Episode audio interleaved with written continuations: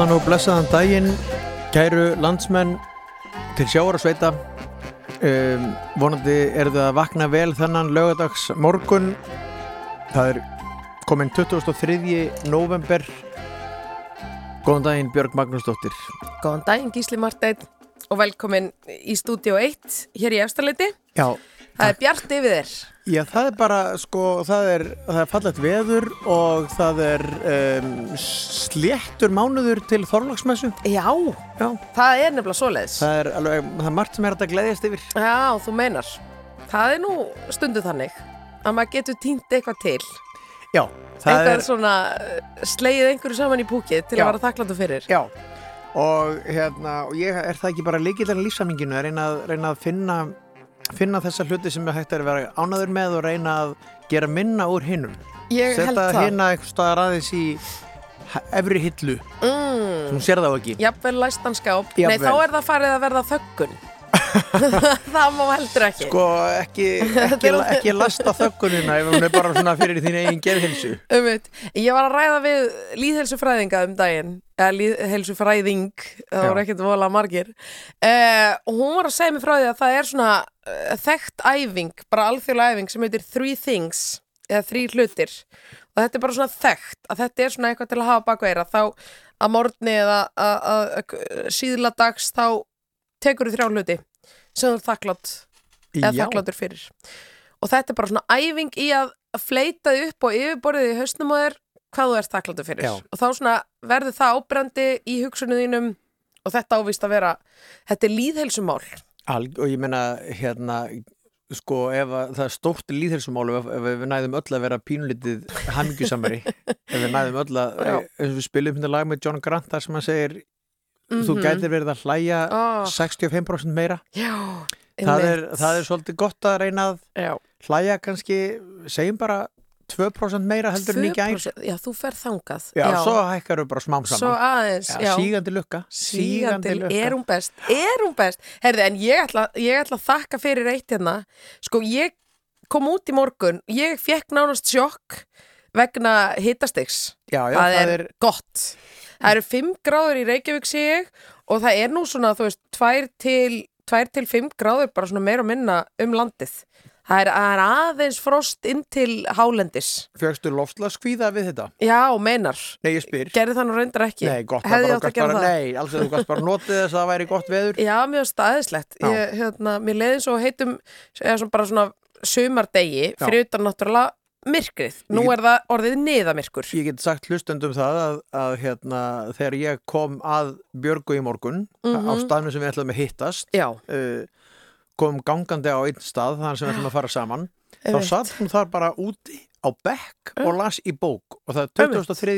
november það er staðan Já. og það er bara staðan úti við að lesa í bók Já, þetta var fallegt moment Já. og hérna, þakkaði fyrir minnast á það. Já. Uh, við ætlum að taka fyrsta lagið okkar Já, í dag. Já.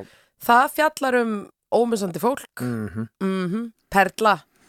Og kannski á írónískan eða á kaltænislegan Já. hátt af því að kannski er engin ómissandi og, og þess Mhm. vegna eigum við einmitt bara einbytt okkur að því að vera góð hvert við annað og njóta lífsins af því að Já. hérna, já, ef við erum ómissandi fyrir einhvern þá er það bara svona okkar nánustu við erum ekki ómissandi í vinnu eða einstæðar sko Líkil punktur. kirkjugarðar heimsins geima ómissandi fólk. KK og Magnús Eiríksson Akkurat.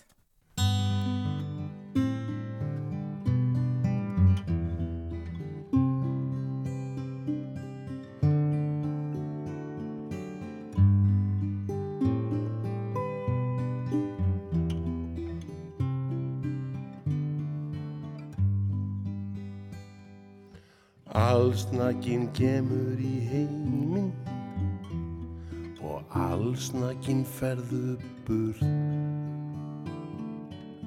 frá þessum dauðu hlutum sem þér fannst þú hafa dreigið á þurrt. Mm.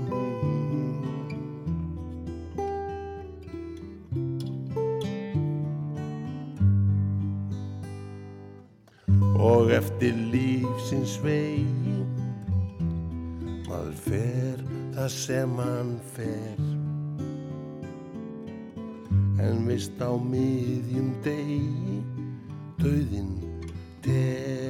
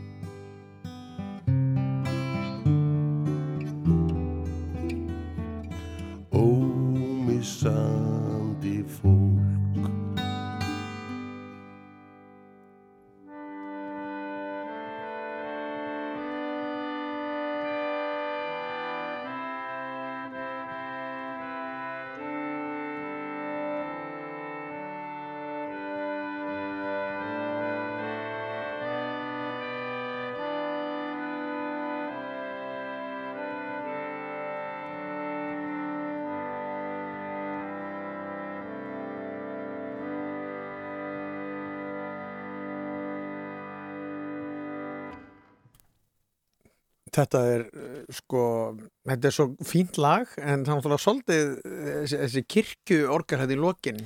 Já, en, en nú siglum við inn í helgasta tíma ársins. Já, já, akkurat. Er það ekki að margra mati? þannig að þú tókst þetta bara svolítið jólaðilega. Ég, ég fekk svona jólavæp eins og þú fegst heima á Berglindi Festival með eitthvað aðvendukerti. Nei, fyrir ekki ilmkerti. Mhm. Það gerist nú bara í já. Þú ert búin að vera að peppa þig vel hérna fyrir þess að aðvend.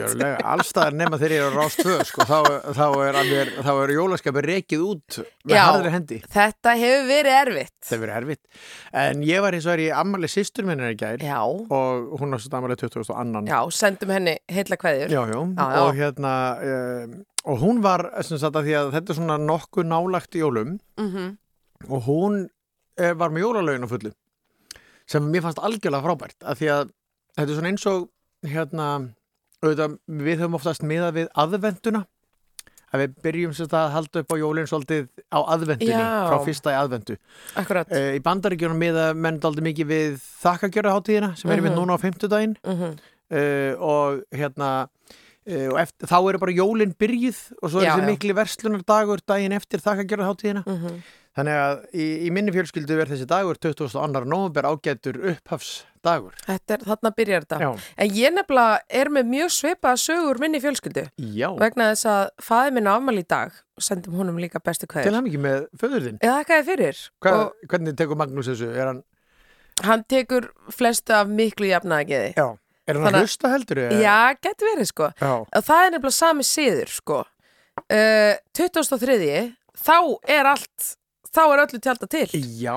Þá uh, lagði fjölskyldan það í vana senn að, að skreita eða vera búin að skreita þú veist á þeim degi og þá er þetta svona einmitt góður mánuður í upptakt. Búið að baka fimm sortir og Veit svona. ekki með það Stundum, stundum. en, já. Já, já.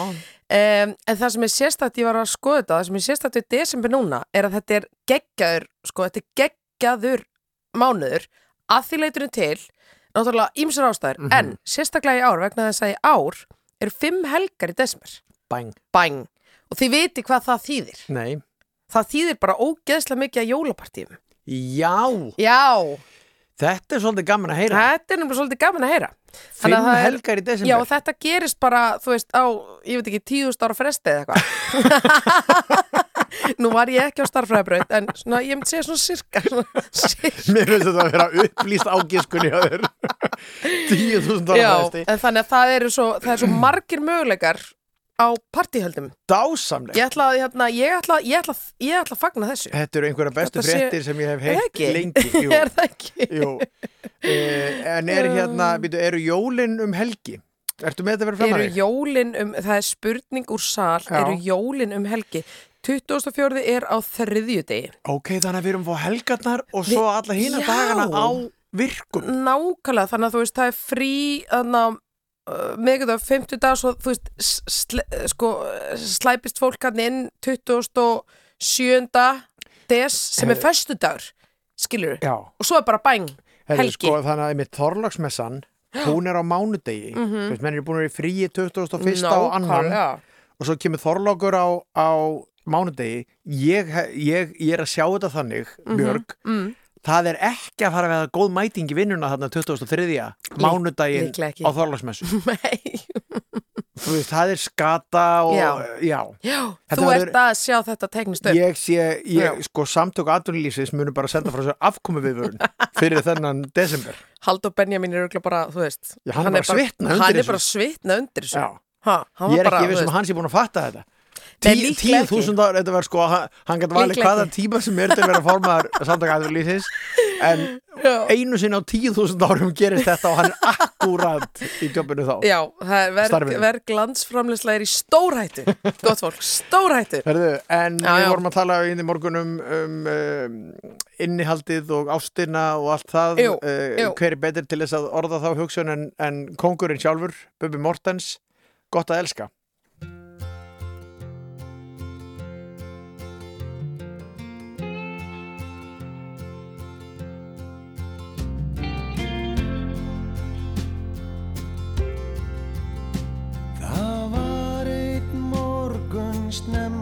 sumars þegar sólinn kíkti inn. Ég satt við gluggan með kaffið, var að horfa á heiminin. Geistlarnir tippluðinn á hvítum fótum og földu brosin sín og fundu þig undir sanginni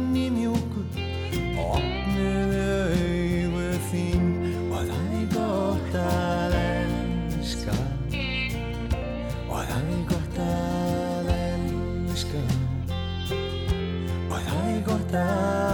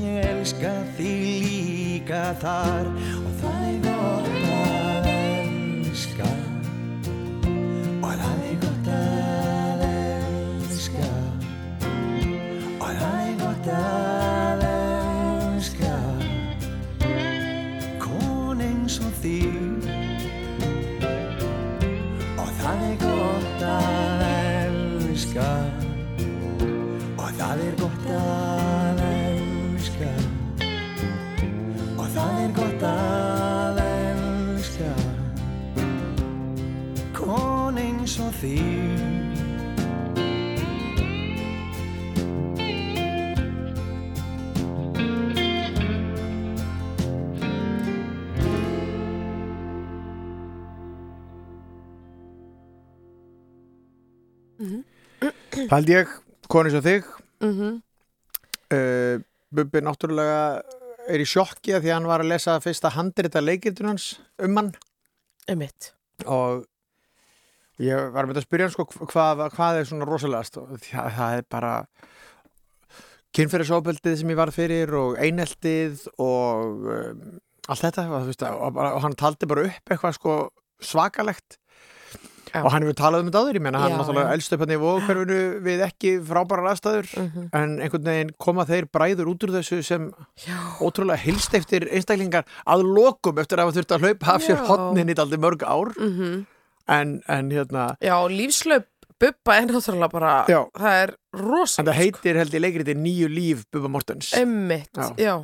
Og, og þarna þetta sem vorum að heyra það er gott að Mhm. elska, það er svona orðin sá Bubbi sem við þekkjum í dag Mm þessi se Einmitt. senaði táíski Einmitt. lífskúnsnir já.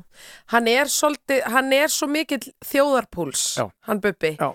Það er svolítið eftir að, þú veist, þegar þú skoðar hvað Bubbi er að gera, þá sérðu svolítið hvað íslenska þjóðin er að já, gera. hann er svona, þú veist, já, hann er góður svona mæli hverði á hvar þjóðin er stödd. held líka einhvern veginn, hann er bara komin í eitthvað, hérna, hann er bara búin að stinga sér í samband við þjóðasaluna Mm ég hugsa þú veist, Gallup getur bara tekið sem að ringt í Bubba og spurt hva, hvað finnst fólki um þetta Já, og ég held að hann myndi alltaf vera nokkuð negin já. On jokes. Og hann, þú veist, það eru hæðir og lægðir, já, skilur þú veist, við erum náttúrulega dramatísk þjóð. já, já, Ekki mikill þjóðveri í okkur. nei Þú veist, og, þetta er svolítið svona allt og þegar þjóðin er reið þá Bubbi reið Já, þá var hann brjála þegar, sko. þegar þjóðin er hammingisöm Já. þá Bubbi hammingisöm Já, akkurat, mannst eftir hann við appilsinu gulu úlpunni en það vatn úlpunni á Já, já. mótvelun já, já, Þú veist, nei, bara hann fangar þetta Já, hann fangar þetta. Það er þannig er Eh, allt ég held að því líkari Bubba sem maður er því hérna því hammingisömmur er maður hann er einhvern veginn, mér finnst hann vera múin að finna einhvern leikil Ég er samanlegaður Já.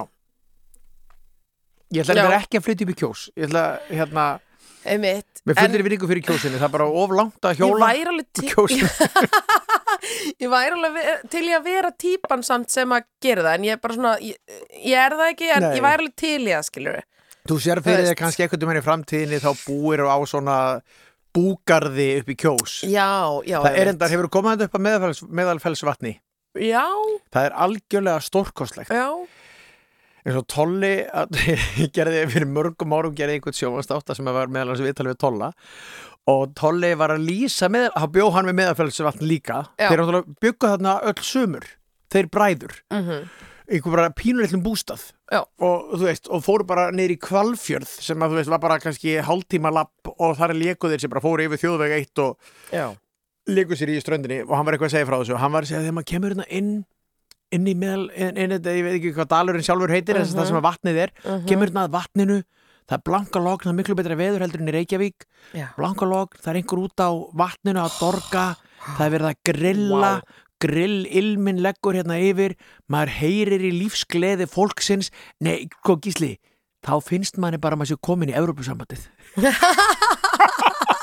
Þetta var svo þetta var svo gott kvót. Þetta þetta tók svo óvæntan snúning í En ég, ég nefnilega hitti þá bræður um daginn á það, hún Kristín Mortens, dóttir hans Tolla, var að opna sýningu í Galeri Porti. Og hún er algjörlega frábær myndlistakona. Ég heyrði af þessu Ég, bara, ég var í sjokki. Mér finnst þetta svo ógeðslega flott. Ég heyrði af þessu, það var fólk var bara að ótrúlega segja hæfileikarík. hérna, fólk var eh, hérna, mjög hrifið Já. og fannst einhvern veginn býtu hvaðan kemur þessi manneskja, hún er alltaf hérna að stökkva hérna fram sem fullskapaði listamæður Mm Hún hefur verið sko við nám alveg, hún var að segja mér að hún, hún er búin að meðal annars vera að læra í, í Kanada og víðar og alveg búin að sko nördast og stúdira þetta allt saman. Ég sé reyndar að sýningin er, hún, var, hún stóð yfir til 7. november en hún er alveg svona, þú veist, ég veit ekki, ég, ég er nú ekkert einhver, einhver listaverka uh, mangari skilur en ég bara, það er eitthvað við þessar myndirina sem er bara, það er bara kalla á mann sko. uh, hérna við skulum halda áfram með smjörið nóum Mortens ættina í bíli Mhm. ég er endar að því að við erum að tala um í tengstu með tónlist þá finnst mér nú kannski möguleikja þegar, þegar að klukkan verður orðina aðeins meira Já. hann gaf út sko frábæra blödu Já. þar sem meðal annars er lægið Svo skal böl bæta. Já, og hérna þar sem að syngum með Megasi ég held að þetta hefur verið útskrifþverkefni hans úr listháskóla eða eitthvað, við skulum spila þetta eftir. Það er of snemt núna að spila þetta þetta er svona svolítið punk en Ok. Um samt. punk, Já. nú fekk ég spurningu frá diggum hlustanda í vikunni Já. sem að sagði sko, er eitthvað frétt af begga punk? Herðu, ég get sagt þér það bara að fyrst úr spyrð ég var í einhverju einhverjum, hérna, einhverjum mannfögnuðu um daginn hver var þetta? Nú- bara man ég þetta ekki, það var einhver sem saði við mig þá heimilt viðkomandi að við heyrti okkur líka Já, og bara Beggi, hann er, hann er lifandi hann er þar allt í læg með hann og ég spurði, ég sagði, ok, ég, finn hann ekki á Facebook eða nei, neins Ég voru við búin að leita hann á nei, já.is? ég spurði þess að þetta var kona Já, hvað heitir hann og svona hvað og hún vissi það ekkert en Nei. hún bara var á breiðoltunni eins og ég og myndi vel eftir honum þaðan Já, já. og hún veit hver hann er í dag og mm. hann er vitt bara í fínu standi en hann er greinlega ekki til að lusta á hann þátt nei, það finnst mér það eða finnst vill mér ekki skýrt. gangast við eða þá hann er ekki að horfast nógu vel í augu við fortíðina Þú náttúrulega ert búin að segja frá því að hann hafi sko beitt, já, ofbeldi, hann hann þig. Kildi mig loðbeint í andlitið í nefið, nánar tiltekið. Og svona, og þú eitthvað leitaðir, leitaðir til Jakobs Frímans ég, þar sem ég er að ranka við mér úr rótinu raunverulega.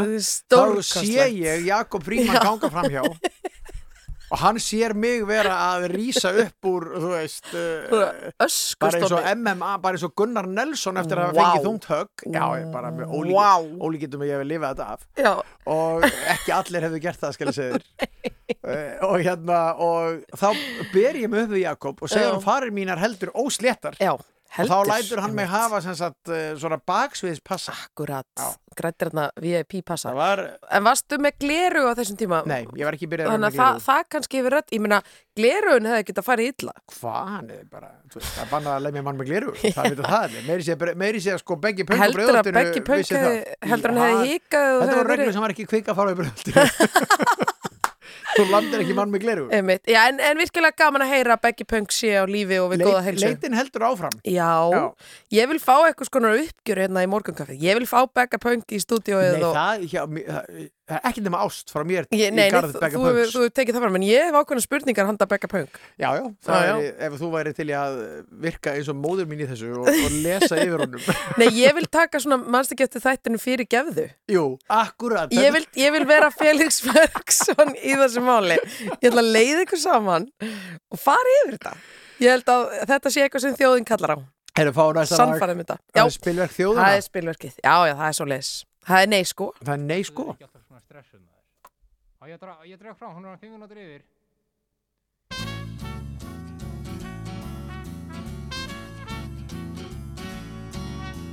Einn sitt ég við varpið, skoðandi í lit, þulinn á gráum jökkum. Nei sko, nei sko, Nei sko, nei sko.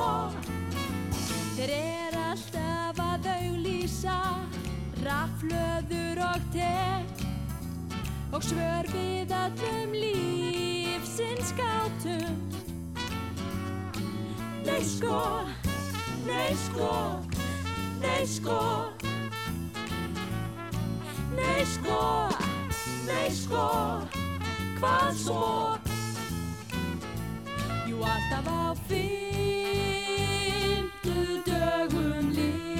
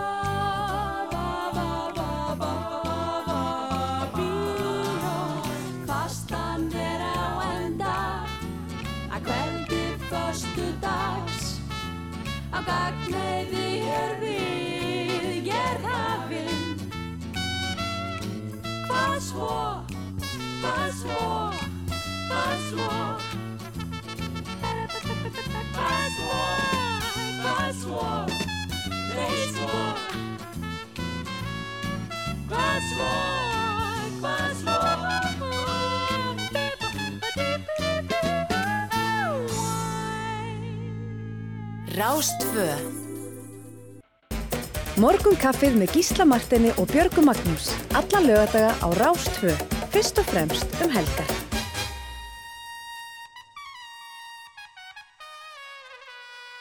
Hann blað það, þannig að var, ég ætla nú ekki að vera eitthvað að tala um, ég ætla ekki, þetta er ekki, eh, sko, ég ætla ekki að rjúfa múrin milli auglýsinga og daskargerðar, en tókst eftir því að fyrsta auglýsing þarna eftir spilverkið var frá veitingastafnum Geira Smart, Já, sem er með eitthvað, sko, svona spilverks þema held ég.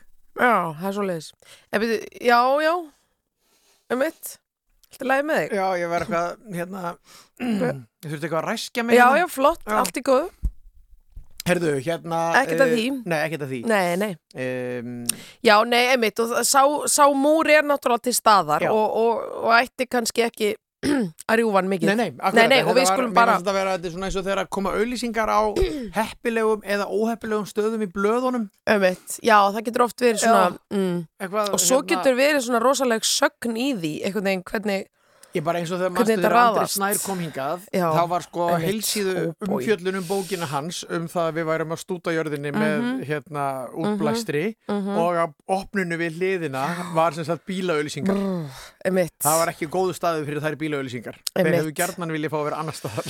Já, klárlega. Ég var að tala um mann í gær sem að fór á fyrirlestur, hann er með fyrirlestra um, um, um tíman og vatnið. Já, og hann var náttúrulega líka á borgarfundinum á Rúf sem, að, sem að var mjög, mjög áhugavert prógram hérna bein, í beinni á þriðutaskvöld en þessi maður sem var að segja mér að, að uh, s- hann Andri, hann, þú veist hann segir bara eitthvað svona, hann, þú veist, talar um þetta allt saman bara hvert jörðin er að fara, hver staðan er og, og eitthvað svona, og svo segir hann í lokin bara þið getið ekki, núna vitið þetta núna getið ekki haldið áfram að gera ekkert. Emitt Daldið gott sko. Já, já, það er gott. Heyrðu, en hérna, em, lagahöfundur sem er doldið í fréttum þessa dagana og búin að vera undarfærið, Já, ég er búin að vera emitt var að halda stórtónleika um daginn, er. Jóhann Helgason. mm Algjörlega frábær lagahöfundur og náttúrulega frábær bara tónlistamæður. Og svolítið skrítið að hann var sko, hann var náttúrulega í þú og ég og eitthvað svona þar sem að sko Gunni Þórðar var mikið að semja og, og hérna, en svo var hann alltaf að semja fyrir einhverja aðra líka. Já. Meðan annars lagi sem við ætlum að flytja núna, eða spila. Mm sem að er, sem hann samti fyrir hérna Pétur Kristjánsson og, og hérna Start Akkurat.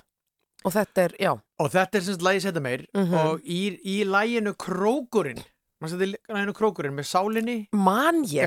Hvers konar spurning er þetta? Að sjálfsögðu. eins og ég já, já. og hérna þar kemur hérna, þú veist eitthvað hann er eitthvað hálf, hálf rappa þarna Pétur Mhm. og svo segir hann einmitt Vældarinn tekin Mhm. líka later on og sjúkheit Mm. og later on er þetta lag, setna meir af því Já, þetta var hérna. eitt af hans svona frægustu lögum Gott. Vældarinn er sko Wild Thing sem að Peter Einmitt. Kristján tók alltaf líka Later On sem er lagið setna meir Eh, Gísli, nei, þetta er gott Þetta er gott, Þetta þetta er gott gott. Þetta er gott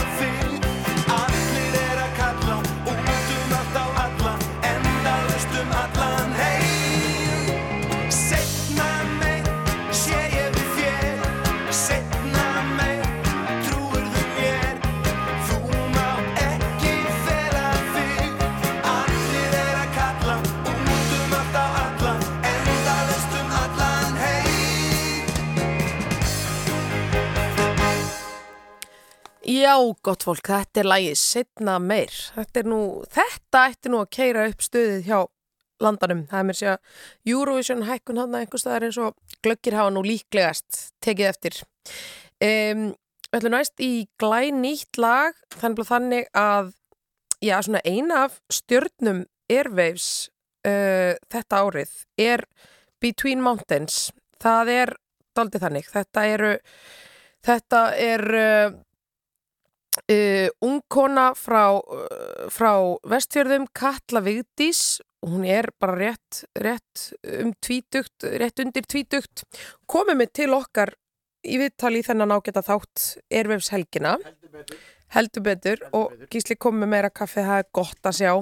Já og við, við, við erum svo ótrúlega hrifin að henni og, og einmitt við vorum að tala um þessa nýju plötu hennar uh, sem heitir Between Mountains. og er bara geggjuð algjörlega frábær og þetta er bara málið og mér finnst þessi stelpa bara að vera eitthvað náttúru undir ég sammálaður, ég er að reyna að verða vinkonunnar Suðureyri við Súandafjörð virðist uh, búa yfir einhverjum ógnarkrafti sem gerir Já. börn að einhverjum undrabörnum já, og hún er einhvern veginn Það er rosalega jörð í henni eins og hefur verið sagt um uglu í atomstöðinni. Það er veikti sér, það er vaðandi hjartinging þar.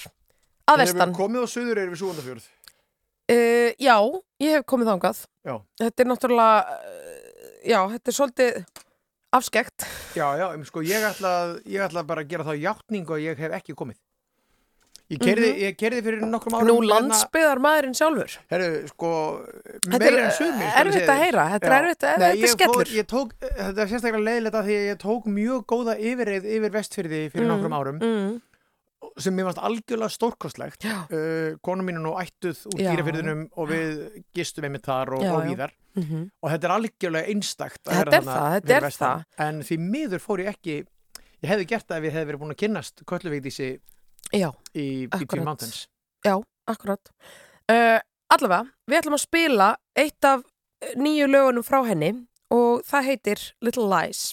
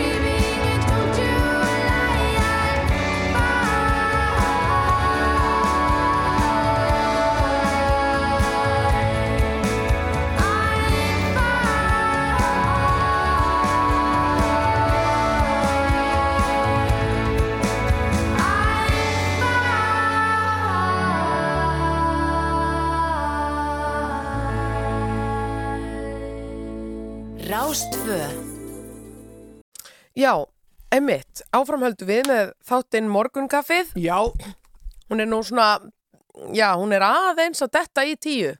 klukkan er, já, hún er 12 mínútur í Hún tíu er nákvæmlega 12 mínútur í tíu nákvæmlega. Já, Það, með, við, við miðum hér við ríkisklukkurnar í, í ríkisútvarpinu sem einu sinni var svona einhver stór klukka með kólfi með kólfi, Þetta er ekki kólfur, svona sem að, þú veist, hérna pendull. Já, er kallað Hvað er kólfur? Hæ? Er Er það ekki er eitthvað svona veðurlingó? Nei, það er Nei. kóf. Uh, hérna, ég er kannski í tómiruglu en ég held að maður getur sagt að uh, þessi kólfur, ég skal gá að þessu, ég skal vera með svarað Ertu að tala um standklukku? Já, ég er að tala um stóra svona venjulega klukku sem stendur Já. út í hodni Já, sem stendur út í eitthvað, Þarf hún að vera út í hotni? Já, ok. um, Sko, kólfur er stykki inn í kirkjuklukku sem slæst í klukkuna, já, þetta er aðeins annað Vá. Kólfur er sem sagt, skilur, í bjöllum eins og Hallgrímskirkju, það er kólfur Mm. Já, en, en Ok. pendull er betra orðið við þetta sem ég var að meina eins Já. og þú komst þarna með Þakka þér fyrir.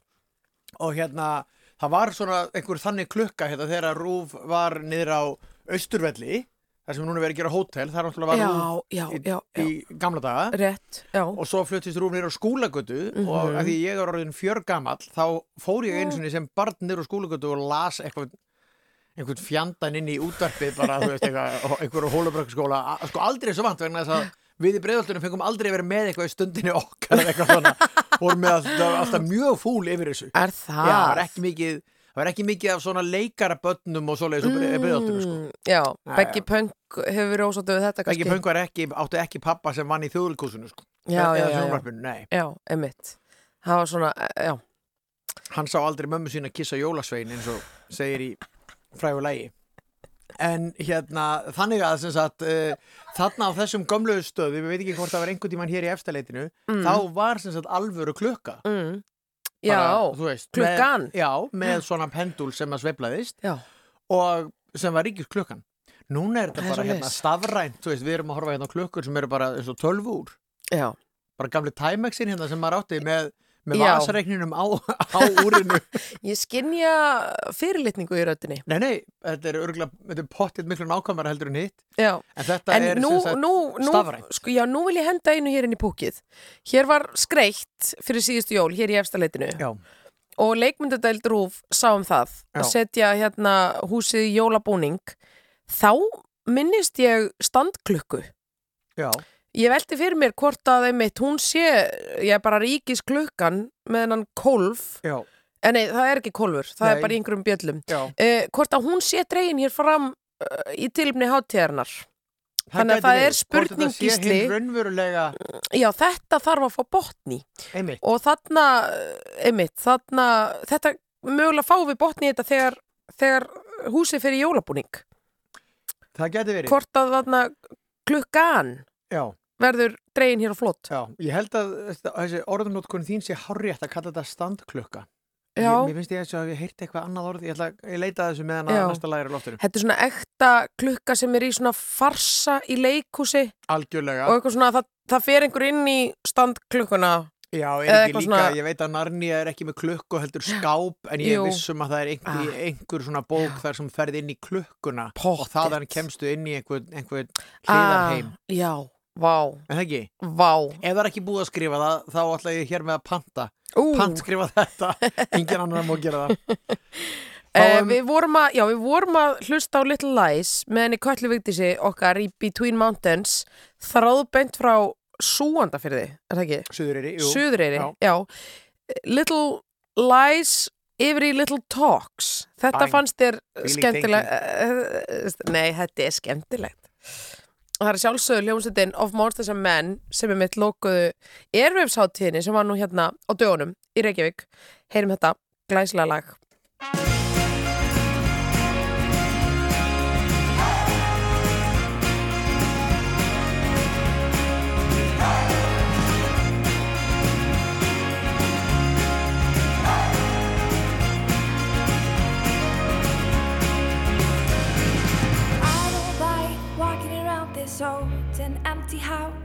So hold my hand, I'll walk with you, my dear. The stars creak, I should sleep, it's keeping me awake. It's the house telling you to close your eyes. And some days I can't even trust myself. It's killing me to see this way. Cause though the truth may vary, this ship will carry our bodies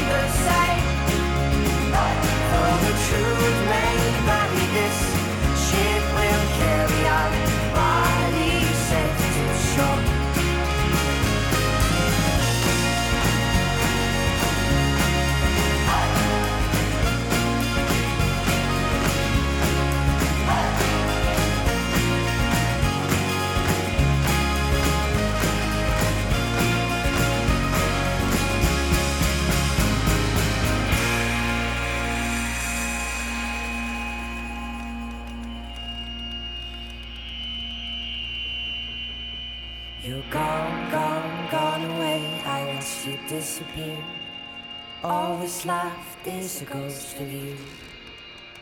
Now we're torn, torn, torn apart. There's nothing we can do. Just let me go. We'll meet again soon. Now wait, wait, wait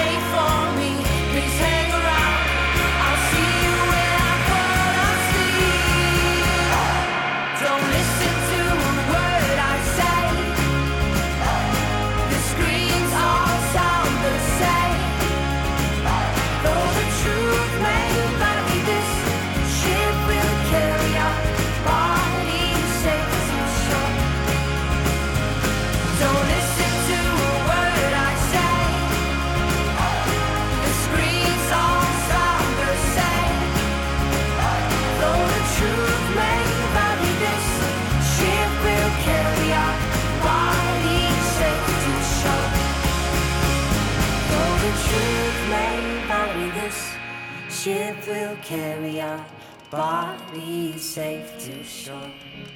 Já, gott fólk, þetta þekkir þjóðin. Þetta er Little Talks með Of Monsters and Men en það er svoleiðis að nú skiptum við yfir á fréttastofuna heyrum tíu fréttir uh, lesnar af, af uh, mikillir fagmennsku vona ég, ætlar ég rétt að vona en við verðum auðvitað hér að þeim loknum.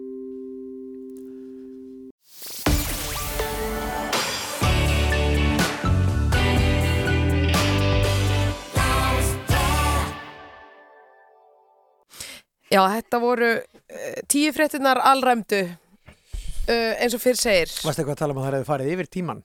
Já, Sko við erum aðeins farin að taka eftir einu uh, auðlýsingapakkarnir eru að lengjast já, já, við höfum Það er tekið það við fer erum að ekkert fram hjá okkur. Já, Sko er kapitalismin uh, er mætur. eins, og eins og, eins og hérna duettinn Pluto segir hérna sem eru reyndar tvíhöfði sem eru nú á daskara hér á morgun Já, kapitalismi anskotans já. uh, en það er Ég tek undir það. sko Tók náttúrulega mitt jólarant hérna um daginn. ég held í alvöru að, nok, að margir verði svona aðeins í erfileikum og ég finn það bara, finnur það ekki í kringu þig að fólk er svona aðeins að hugsa þegar það er að koma jól hvernig geti aðeins, hvernig geti komist hjá því að lenda í neyslu sturlun Emitt.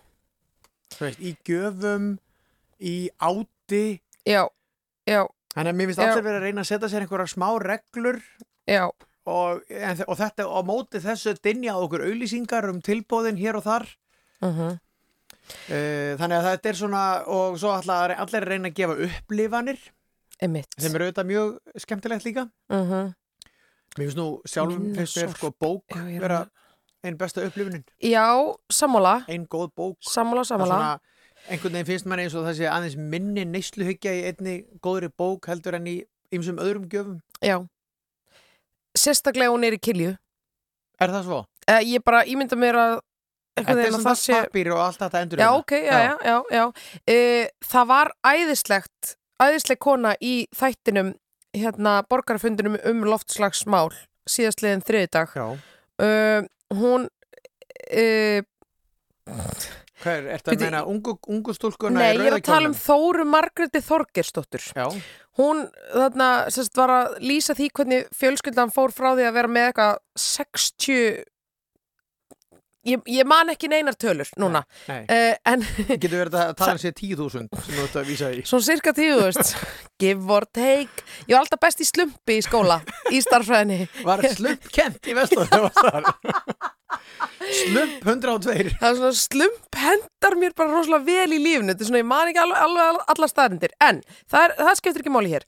Fjölskyldan hennar, Þóru Margreðar Er búin að minka heimilis sorpið og úrgangin bara niður í nánast ekki neitt. Já, og það er svo hérna hagnýtt ráð og ég hvet fólk til að fara inn á þetta minna sorp, lærdómsferli fjölskyldu.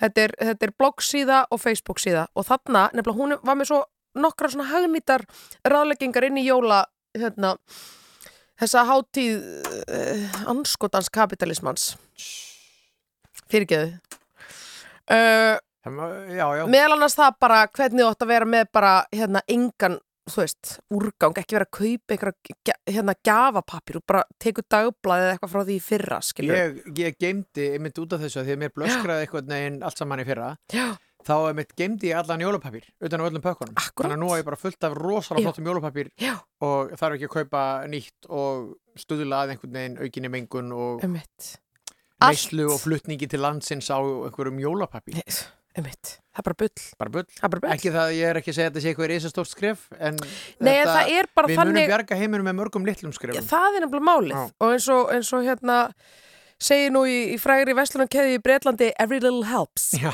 það er aldrei þannig sko. Herðu, en fáum næsta lag. Já, Það er prinsinn af Prinsinn- Póló. Hann er mættur hér með einn af sínum bara fyrstu smellum sem heitir Niður á strönd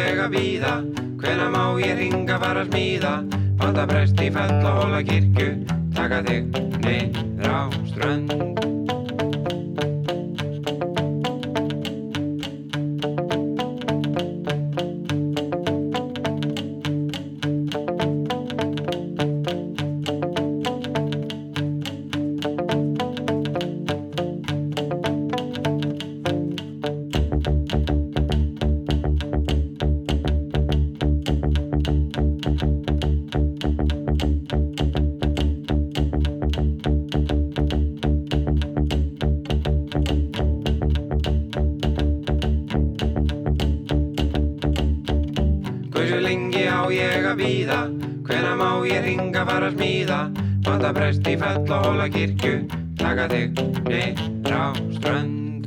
Pandaprest í Fellahóla kirkju, kirkju, þar, taka þig niður þar fermdumst við báðir við Svavar Pétur. og Beggi Punk? Nei, já Ætli Beggi Punk sé fermdur? Ekki ég, viss. ætla, ef, ég held að hann sé ásatrófélaginu ég, ég ætla ekki að skjóta eins og neitt á það ég bara veit, ég átta mig ekki á því hver hann staða er í lífinu. Veistu að hann var ég hef svo 15 margar- ára síðastir í hittan Já, ég hef svo ásatrúarfélaginu spurningar fyrir hann. Já. já, en, en nei, við Svavar Pétur fermdumst báðir í kirkju. Já, já, Já. einmitt. Sem var upphaflega í einu af viðlega sjóðshúsunum í Keilufellinu. Það er svo leis Þekkjuru það?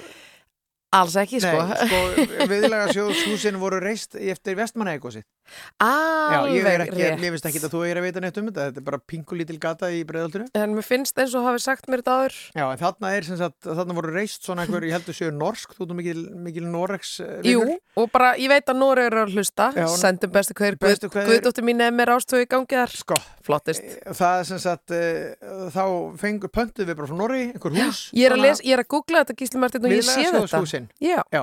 Og, og keilufellið Já. Já. og þarna, og kirkjan var sem bara í af þessum bjálkaleg, húsum þetta er mjög er nost Nema það, nema það Nema að, hvað? Hérna, Hmm. næsta lag Já.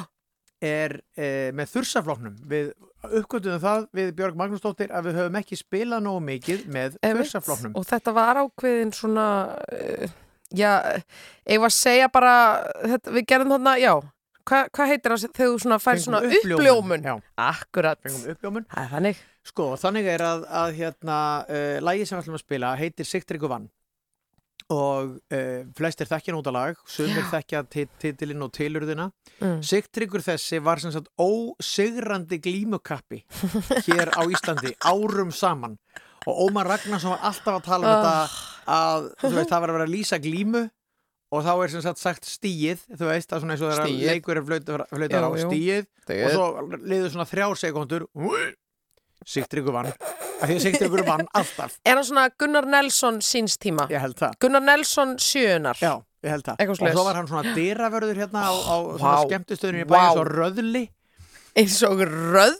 Hétt staðurinn röðull? Röðull, það var mjög Vá, hvað er frægur eitthvað dónalegt Er það ekki? Ég, ég held að það sé kannski eitthvað sem þú ert að horfa inn á við þú- þér finnst þér röðull vera mjög dónulegt. Mér finnst þetta eitthvað svona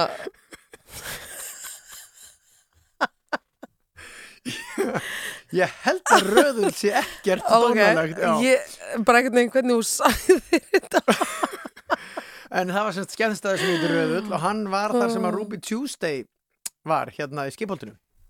Það Þar var. Sigtryggur vann, var þar, hann var dyravörður. Og bara til þess að, sko, þú veist, ég veit ekki hvort að, minna þarna var, ég, ég var of, veist, þetta var fyrir minn tíma, ég fór aldrei á röðul, Mhm. en hérna þarna var eitthvað kona sem rak staðinn, hún var alltaf við peysufötum, peysufötum, og Sigtryggur vann var í dyrunum. Þetta hefur verið alveg Vá. stórkostlegt dæmi, sko. Vá, ég er að googla röðull Já. Það stendur nú hér á Wikipedia síðan að þetta hafi verið veitingahús meira Já, Þetta var tvær en hæðir en ekki hvað. Þú sagðir sko skemmtistæður Þetta var skemmtistæður. Já, það er svoleiðis Já. eh, Tvær hæðir sem hver um sig var 300 fermetrar Já, Þannig að þú veist, í sjöunni 600 fermetrar röðull já. Það finnst mér heldur vel í lagt Já, og þetta var opið, opið já. sex kvöld í viku og þetta var, sko, staðurinn byrjaðin er á laugavegi. Já, já, já, já. Byrjaðin er á laugavegi Já. og svo fór hann hann upp yfir og, og þetta, ég meni, ég hef heyrt alveg enda, endalust af sögum um það og hljómsveitur að spila þarna og eitthvað. En sko hérna standur Ólafur Ólafsson innréttaði staðin en svo tók Helga Martinsdóttir við sem er þú ert að vísa í Það er svo sem var á Já. peysufötunum. hún var 66 ára þegar hún hóf veitingareksturinn hún rak staðin á svona tengdasinni sínum Helga var alltaf klætt í íslenskan búning Já. Þetta hefur verið eitthvað, Vá, sko. Þetta hefur verið vá. eitthvað. Þetta, var, vil, þetta er viðskiptahugmynd sem ég vil sjá fara í gang aftur já, og þetta var alveg ólgandi skemmtistæður og í skemmtistæður. var Sigtryggur vann. Og ég held að Sigtryggur vann sé nýláttinn en við skulum spila þetta lag og hérna, þetta er þursaflokkurinn og lagið er, eins og áður segir, Sigtryggur vann.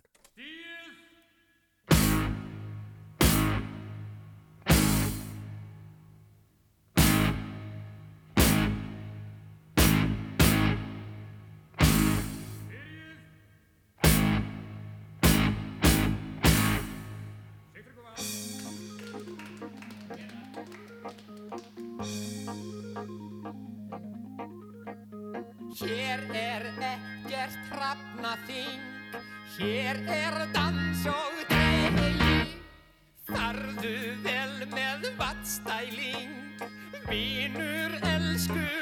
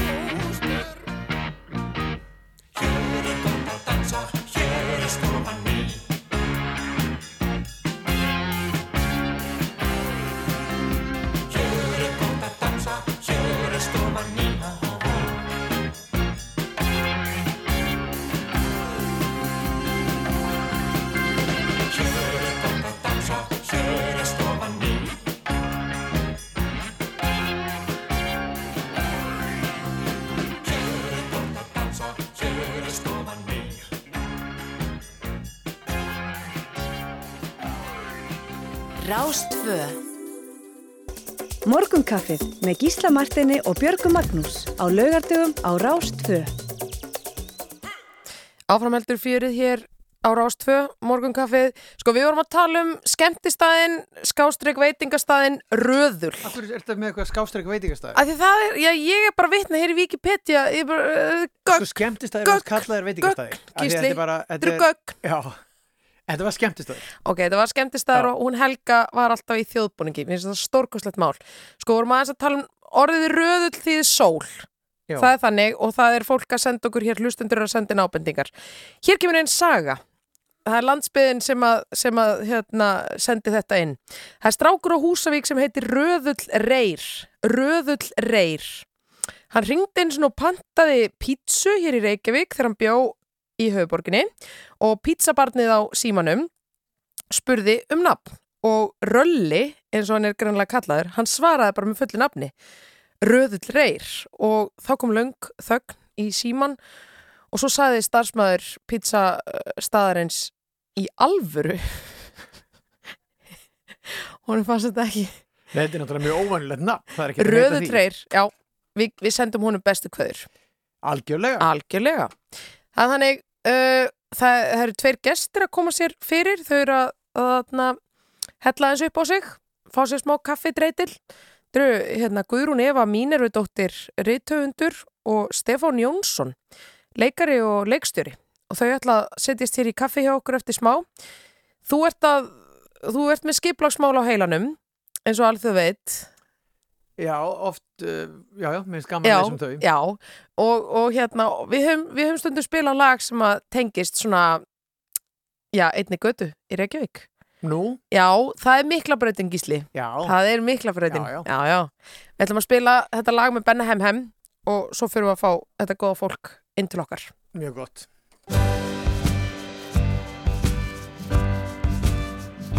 Á einu borði vassbrás fristur Fastur í fætur samviskupið slaus. Það er nær upp að njá Orðurnar látt upp fyrir haus. Á heiminkvöldu dauða kvöldi Grítist yfir sandin og frýs en að ferðina enn. Blaðsíðurnar eru allar brúnar og yngri þeirra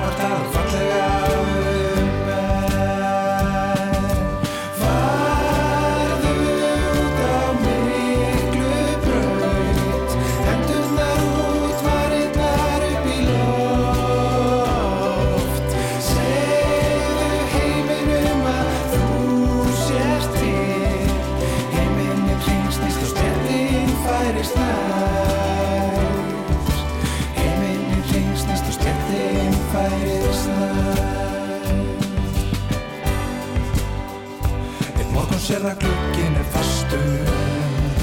Gassið er horfið og trén eru öll steindauð Flaut úr fjarska færist nær Fátt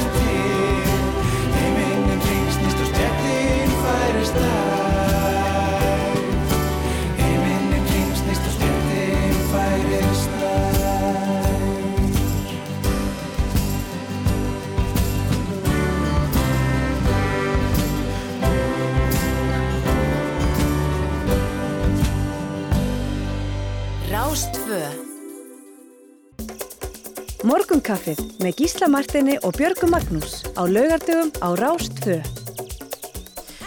Áfram höldu við og það er óvægt að segja að hinga sér komni góði gestir. Já. Það er eiginlega bara þannig. Já, Já. það er þannig. Já. Uh, Stefán Jónsson, Já. leikari, leikstjóri, uh, Mhm. Guðrún Eva Mínafjörðardóttir, uh, uh, Rítufundur. Já.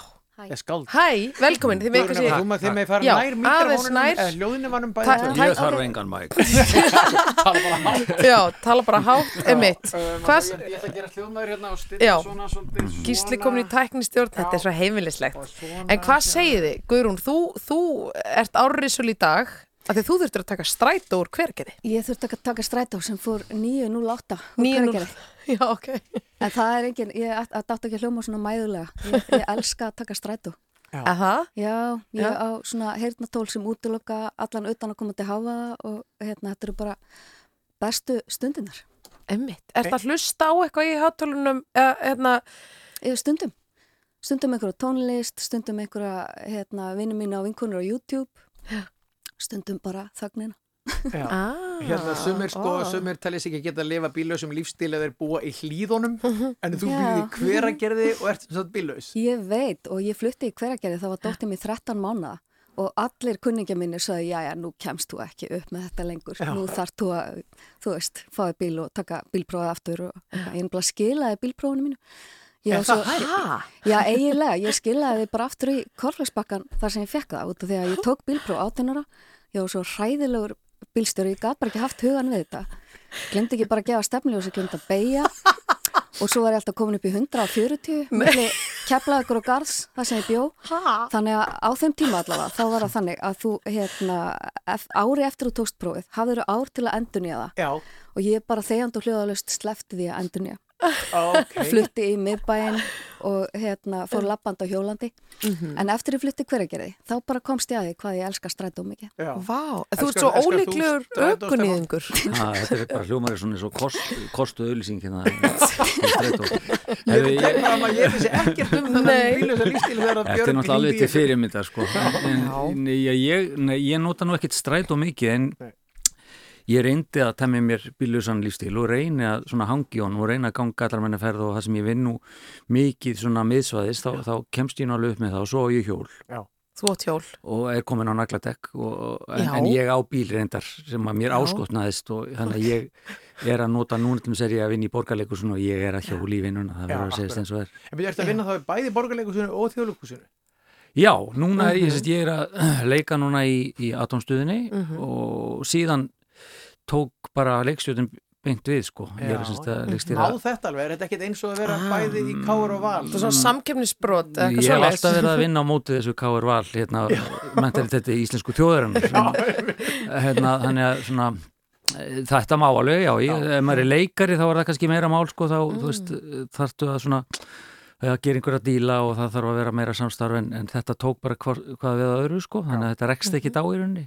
Sko, þú leikur organistan í atomstöðinni Já. og við gísli erum einmitt bæði búin að sjá það og við erum súper hrifin af þessu. Æ, og þú stendur þig frábærlega, þetta er ógeðslega skemmtilegt. Já, og bara svona, er svo... mér fannst organista kaplanir alltaf frekar leiðilegir í bókinni. Já, en já. þeir eru sko alls ekki leiðilegir í leikritinu. Þarna Nei, þetta var eitthvað svona Já, sko. nærða einhvern veginn alveg tóninum Já, þetta er, þú veist, það er náttúrulega, þú veist, maður gæti náttúrulega farið bara í að leika átna tryggva eða eitthvað, eða svona síðan katt með sítt ár og skegg, sko, en Já. svona, það var ekkit leiðin sem að, sem að við vildum fara í raun og veru og, og hann er náttúrulega, já, hann stendur svona fyrir einhvern svona, já, hann er svona einhvern taoisti og andasmaður og sér í gegnum allt bullið, sko, sem að er að gerast í verkinu, sko, þannig að, auðvitað skoðaði maður alltaf söguna og fór í gegnum alveg frá því að hann byrjar að skrifa fyrstu drög þannig að hann með Þóru Sigtryggsson sem var ánurlaður svo kallaður homosexualisti Já. hér í bæ á sínum tíma og, og, og, og, homosexual. og, Já. og síðan deyr hérna Ellendri Unhúsi Já. og Já. sem var hans mikli, mikli velgjörðamaður og þá einhvern veginn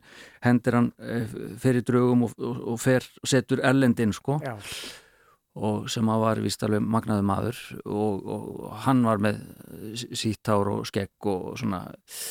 En hérna, hann ég, ég, ég kafaði alveg onni allan hennan efni við og svona þess að reffa Já. eh, hvað þessari persónu viðvíkur. En uh, það sem hann svona kannski stendur upp úr hann er svona eins og hefur verið bent á í lærðum ritgerðum, þú veist, hann er svona kannski mesti rebelin, hann er rótakasta aflið í sögunni, Mm. þráttur allt sko og eins og þú segir sko, hann er kannski svolítið svona döl svona þegar maður lesi þessa bók sko en í raun og veru hans hugmyndir eru algjörlega þvert á allt sem að sem að er verið að fjallum í bókinni sko og hérna hvað sem það kemur víkur að siðferði trú eða stjórnmálum. Já, Var ekki sagt einmitt að Halldór sko að organistin hefði sennilega verið ennþá beittari típa ef að Erlendur hefði ekki dáið og hann hefði ekki breytt honum í Erlend heldur haldið sér við Jú, það getur vel verið sko. það, jú, jú, hann var miklu, hann var miklu ottkvassari sá maður sko. En, en, en hugmyndirna sem að Erlendur stendur fyrir eða og organistinn sem sagt, eru, eru mjög rótækar sko og Já. sérstaklega á sínum tíma sko. Já. En það sem eiginlega kom hann svo var, bókin kemur út 48 Já, en þetta eru spurningar sem eiga svo sannlega við enn í dag. Betur, Það er sko. eiginlega ótrúlegt. Já, já, já Þannig að mér langaði, þú veist, að, að fara svona í þá, hvað er það að vera, þú veist, svona að vera á skjön eða að vera augrand og storkandi og að vera búið til sviðsfíkur í því samingi, þá, þú veist, fórum við meira inn í þetta svona óræða, þetta, hvers kynns er maðurinn, þú veist, þú veist, hvar liggja hans uh, þú veist, kvatir og, og, og, og sín sko, þú veist, og þá er þetta svona þetta, já, kannski samspil svona einhvers punks og hérna já, og einhverja mýktar líka, sko sem að svona, sem við reyndum að ná fram, sko. Mhm, mhm. Myndið þú tengja Guðrún efa við það að, sem sagt, að, að það hafi verið mistök hjá Halldóri að skrifa svona góðan vin sinn inn í bókina sem hann gati ekki verið miskunnulaus við? Skilur að hérna að hann, hann var að, hann þóttu svo vænt um Erlend að, að, að karakterinn va- varð kannski aðeins slípaðari og kannski örlítið meira boring eh, hérna við það að vera svona góður vinnur hans Fengir eitthvað við þetta sem reytuðandur? Ég myndi allavega að þurfa að sko bera saman þessar hérna, tvær bækur, þessar sem aldrei alveg varð Já. og, og hinna sem varð. En hérna, já, ég, einhvern veginn, ég er svona höfundur sem að sýnir þetta aldrei svona mikla miskun, kannski óvart, af því að mér finnst alltaf betri bókmyndir að fara alveg á, á dýftina og við erum aldrei, sko, við erum aldrei algjörur óþakkar, ekki alla leið í gegn Einmitt. þú veist, það er bara alltaf bara svona partur á okkur þannig að ég þykki vera mjög miskunnsum við kunnuga sem ókunnuga Já. en ég hef samt, ég, hérna, ég las eitthvað handreitt sem var byggt á æfið Þórðara hvort hann skrifaði það sjálfur og það var svo langt síðan ég, ég man ekki hvort það kom síðan nokkuð tíman út en það var rosalega spennandi líka Já, já. mm. Þessi Þóruður þarna sem að organisa var uppálega byggður á. Já, já. Já, já. Hann, hérna, Hjálmar Sveinsson hefur skrifað bók uh, um þann ágæta mann, sko, Já, sem, sem já. að kom út fyrir nokkrum árum Einmitt. sem er líka mjög skemmtileg Já. aflistrar Heyriði, sko, þið ætlið að sitja ógisla lengi hérna, Við ætlum þannig að hanga hérna þið- fram eftir degi. Þið er ekki að fara neitt Ég meina, Ég segi bara manninu sem er með næsta það bara, við bara riðjum dagskráni en sko Guðrún Eva, þú, það hefur komið hér fram að þú býrði í hveragerði Mhm.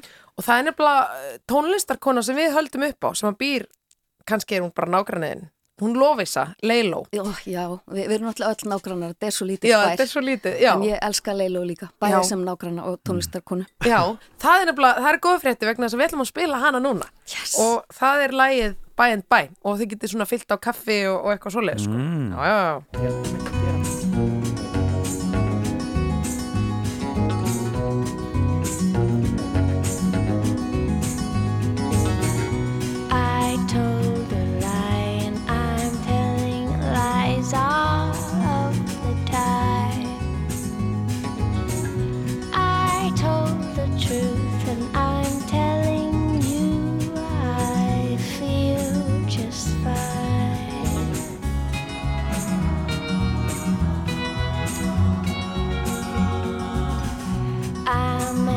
you cry?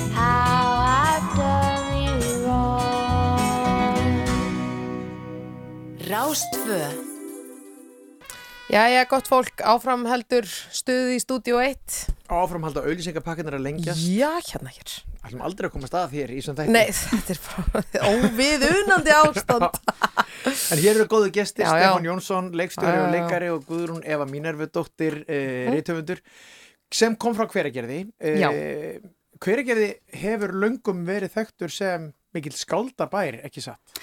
Jú, það er rétt. Ég hef aldrei sko sett mig almennilega inn í það hverjir byggu hvar. Það væri samt auðvelt. Það er stórt skilti í hverfinu mínu með yfirskriftina skálda hverfið. Já. En hérna, hveragerði er einhvern veginn svona stolt af þessari arfleifð. Já, og má vera það. Já. A hvernig kom þetta til? Var einhvert þessara skálda, veist, eða, ég ætla ekki að setja þig eitthvað hérna, undir ljósið í þessu ef, ef þú ert ekki búin að kynna, ég meina, er, var einhver sem bjóð þarna frá byrjun og laðaði til sín og þín skáldin eða veistu hvað gerðist? Ég sko, ég veit það ekki, en þetta voru Voru það bara abarnir í etten að draga, Þetta var, var fyrir okkur svolítið fyrir þann tíma en, en, hérna, en nei, ég, ég er ekki því en ég veit að voru ódýrar lóðir og þetta var náttúrulega ódýrar á húsnæði og, og hérna þegar við fluttum þá var meðal annars pælingin að komast í ódýrar húsnæði til þess að geta einhvern veginn haft meiri tíma til þess að gera nákvæmlega það sem hann sýnist Einmitt. og hérna þurfu ekki að pæla svona mikið í mánuðamótunum þannig að ég hérna ímynda mér og ég hef líka alveg heyrt í flegt að það hafi verið svona þeirra og svo Ah. náttúrulega bara komast nær náttúrunni Já. hérna ég segist ofta að flutti til hveragerðis að því að mér fannst Reykjavík svo lítil sem er náttúrulega ógislega hérna, krútlegu brandan en það meika samt sens út af því að hérna, Reykjavík er lítil borg og hún er lítil. En hérna hveragerði líka. En, en náttúrunni stór. Og það er svona tilfinningin sem að færa hérna maður sé hérna, í einhverju svona starð Já. Skemmtilegt. Já. Þú ekki mikill miðborgar maður, Stefán? Jú, ég verð að segja það sko, hundra einn múa mikið sko. Já, og, Ertu gengur um með hatt? Eh, Stundum alveg, já, Já. já, og svona, já, og svona rúsneska húfur líka, mikið. Hefur mikið.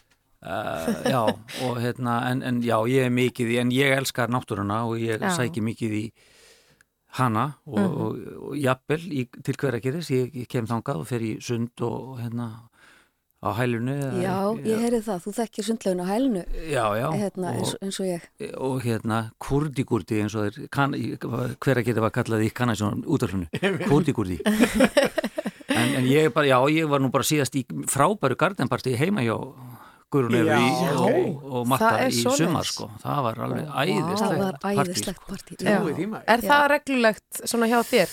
Já. Garðparti í hveragerði? Já, hérna, Matti, maðurinn minn hjælt upp á hérna, stór ammalið sitt í fyrra og hérna, það var svo vel hefnað að við ákvaðum bara að hafa það á hverju ári ekkert endilega ammali, en bara En eitt gaman. garðparti á ári Það er geggjað.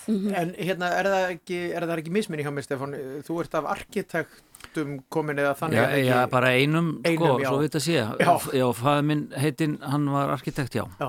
og hérna hann var nú akkurat svona já, hann á nú ekki tús í hveragerði en, en hann var nú mikill vinur uh, Knúts Brún sem var hann með hótel Örk og svona hann að Já, já. að maður kom Og þarna hann að líka í frost á funi, er það ekki, Knútur? Frost og Funi, Já, einmitt, já. og hann var mikill svona listaverka Jú, jú. eh, safnari og unnandi og, og, og þeir áttu það samílegt, Einmitt. pappi og hann Já. Mhm. En á, af hverju ákveðu þú að verða leikari? Já, þetta er stór spurning. Eh, Það, ég, ég er líka komin af leikurum og afi minn Haraldur Björnsson Mhm. var eh, já, fyrsti mentaði leikarinn á Íslandi Já. og hérna, þannig ég var nú bara ungur þegar hann dó en, en þetta var svona í, þetta var ég, ég bjó í húsinu sem hann byggði og eh, pappi flutti þangað inn þegar ég var með okkur öll sex, þegar ég var sex ára og hérna þannig ég svona bara þetta var allt í kringum mig og svo er ég Er þetta nýri bergstæðastræti? Þetta er á Bergstaðastrætinu, á hotninu á Bergstaðastræti Þannig þú þú ert alveg í hjartanu Já, þarna. já, í fína hverjunu sko Þú áttur aldrei séns. Já, Nei, ég átti ekki, ég átti ekki séns og síðan er ég, fer ég að leika sem barn í þjóðlugúsinu Já. valinn inn í eitthvað, þú veist, kallinn á þakinu þegar ég var tíu ára og síðan tók eitt við öðru og, og, þá var þetta bara komin þá var maður komið með hennan vírus Já.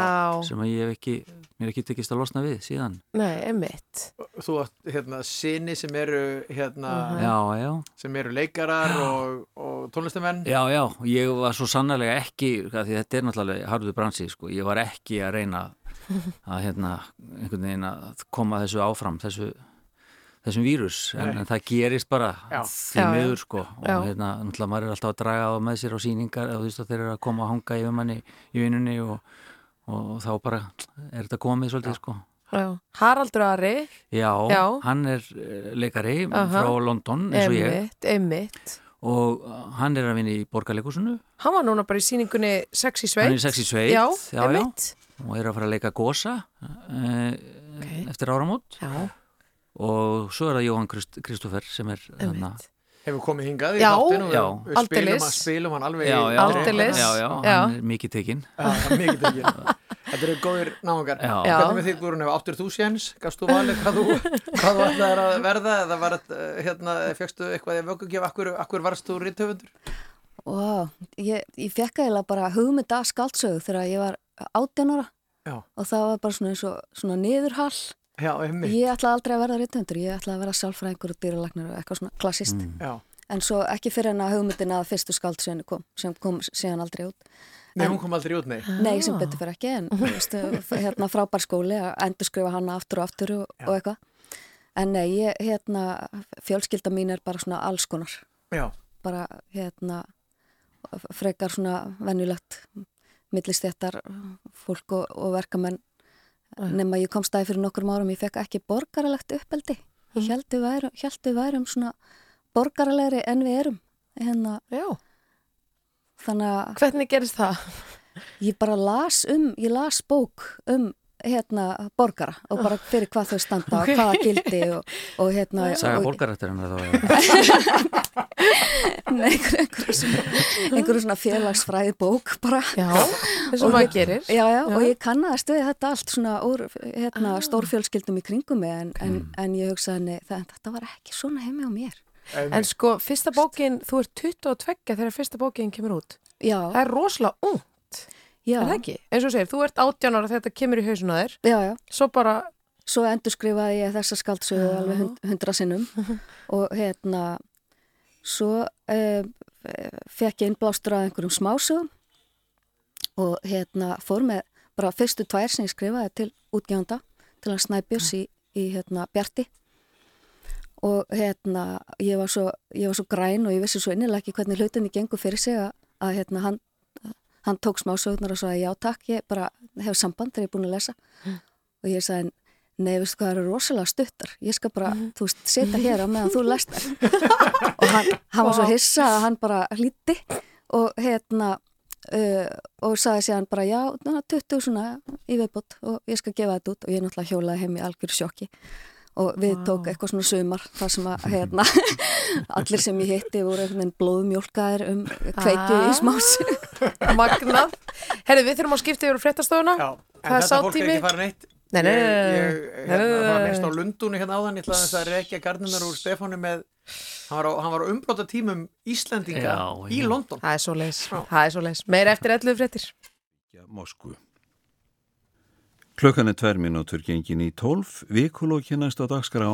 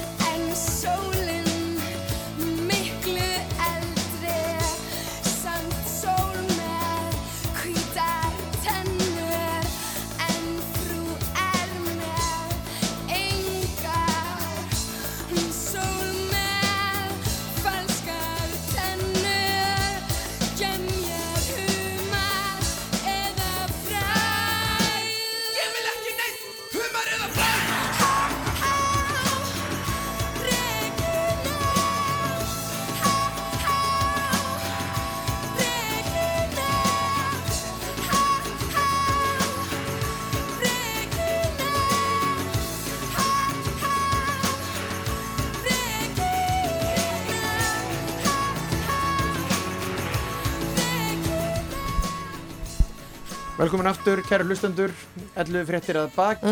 Mhm. Við erum enn með góða gesti hér, Stefán Jónsson, leikar og leikstjóri og Guðrún Eva Mínarvudóttir, rithöfundur. Mhm. Sita hérna ennþá, og þetta lag tengir raunar þau tvö, af því að sko, þarna á Suðurlandi þar sem að Guðrún Eva býr, uh, þaðan er Regína sem hér er sungið um. Og uh, Stefán var í Lundunum þegar að síkumólandir voru að slá í gegn Aha. sem að ég hef haldið fram, þetta eru nú krakkar sem eru svona aðeins eldri en ég ég held ég fram að þau hafi haft alveg svakalega mikil áhrif á mína kynsluða því að þau einhvern veginn síndu mér að, að Ísland gat, við gátum verið öðruvísu og skrítin og samt sigrað heiminn og Steppi, þú varst, þú varst inn í þessu, þessari Hring- gerjun allir hringið. Heldur betur. Já, og þið voru, mér finnst þið vera fyrsta svona órætta kynsluðin voruð bara íslensk og doldið montin af því og Já, fannst allavega- gaman að vera pönguð og skrítin Alltaf mjög góð í að feika, feika það sko. já, já, ég náttúrulega, þetta voru allt sko, í þessu bandi náttúrulega voru, þetta voru meira minna vini mínir sko. Uh, ég þekkti Björk og Einar Örn uh, bara úr hagaskóla og, og síðan, já, svo fer ég leiklistin ám til London og, og hérna þá fórum við að búa saman þar ég og Óskar Jónasson Mhm. kvikmynda leikstjóri og, og þau voru svona að hasla sér völl og að slá í gegn Já. Á sama tíma eða svona þeirra á leið. Og, e, og það gerðist líka að Björk og Óskar fóru að ruggla sama reytum þannig að það var ennþá meira svona hérna meiri samgangur. meiri samgangur og svona þegar þeir voru að koma eins og oft, oft var sko, og sérstaklega þeim tíma sko, Íslendingar að koma til London og þá var, þá var hist sko, þá var Íslendingabar til í borginni og allt þetta sem að, ég ekki hvort sé til ennþá en að, það, það var náttúrulega bara lábeinast við að við vorum alltaf að partíast með þeim sko Já. og, og hérna fara á tónleika með þeim og hérna og þetta var náttúrulega bara helgirinnar partí sem að maður þurfti náttúrulega bara að reyna að viðhalda með leiklistanámi Þetta hafi verið doldi góð partí.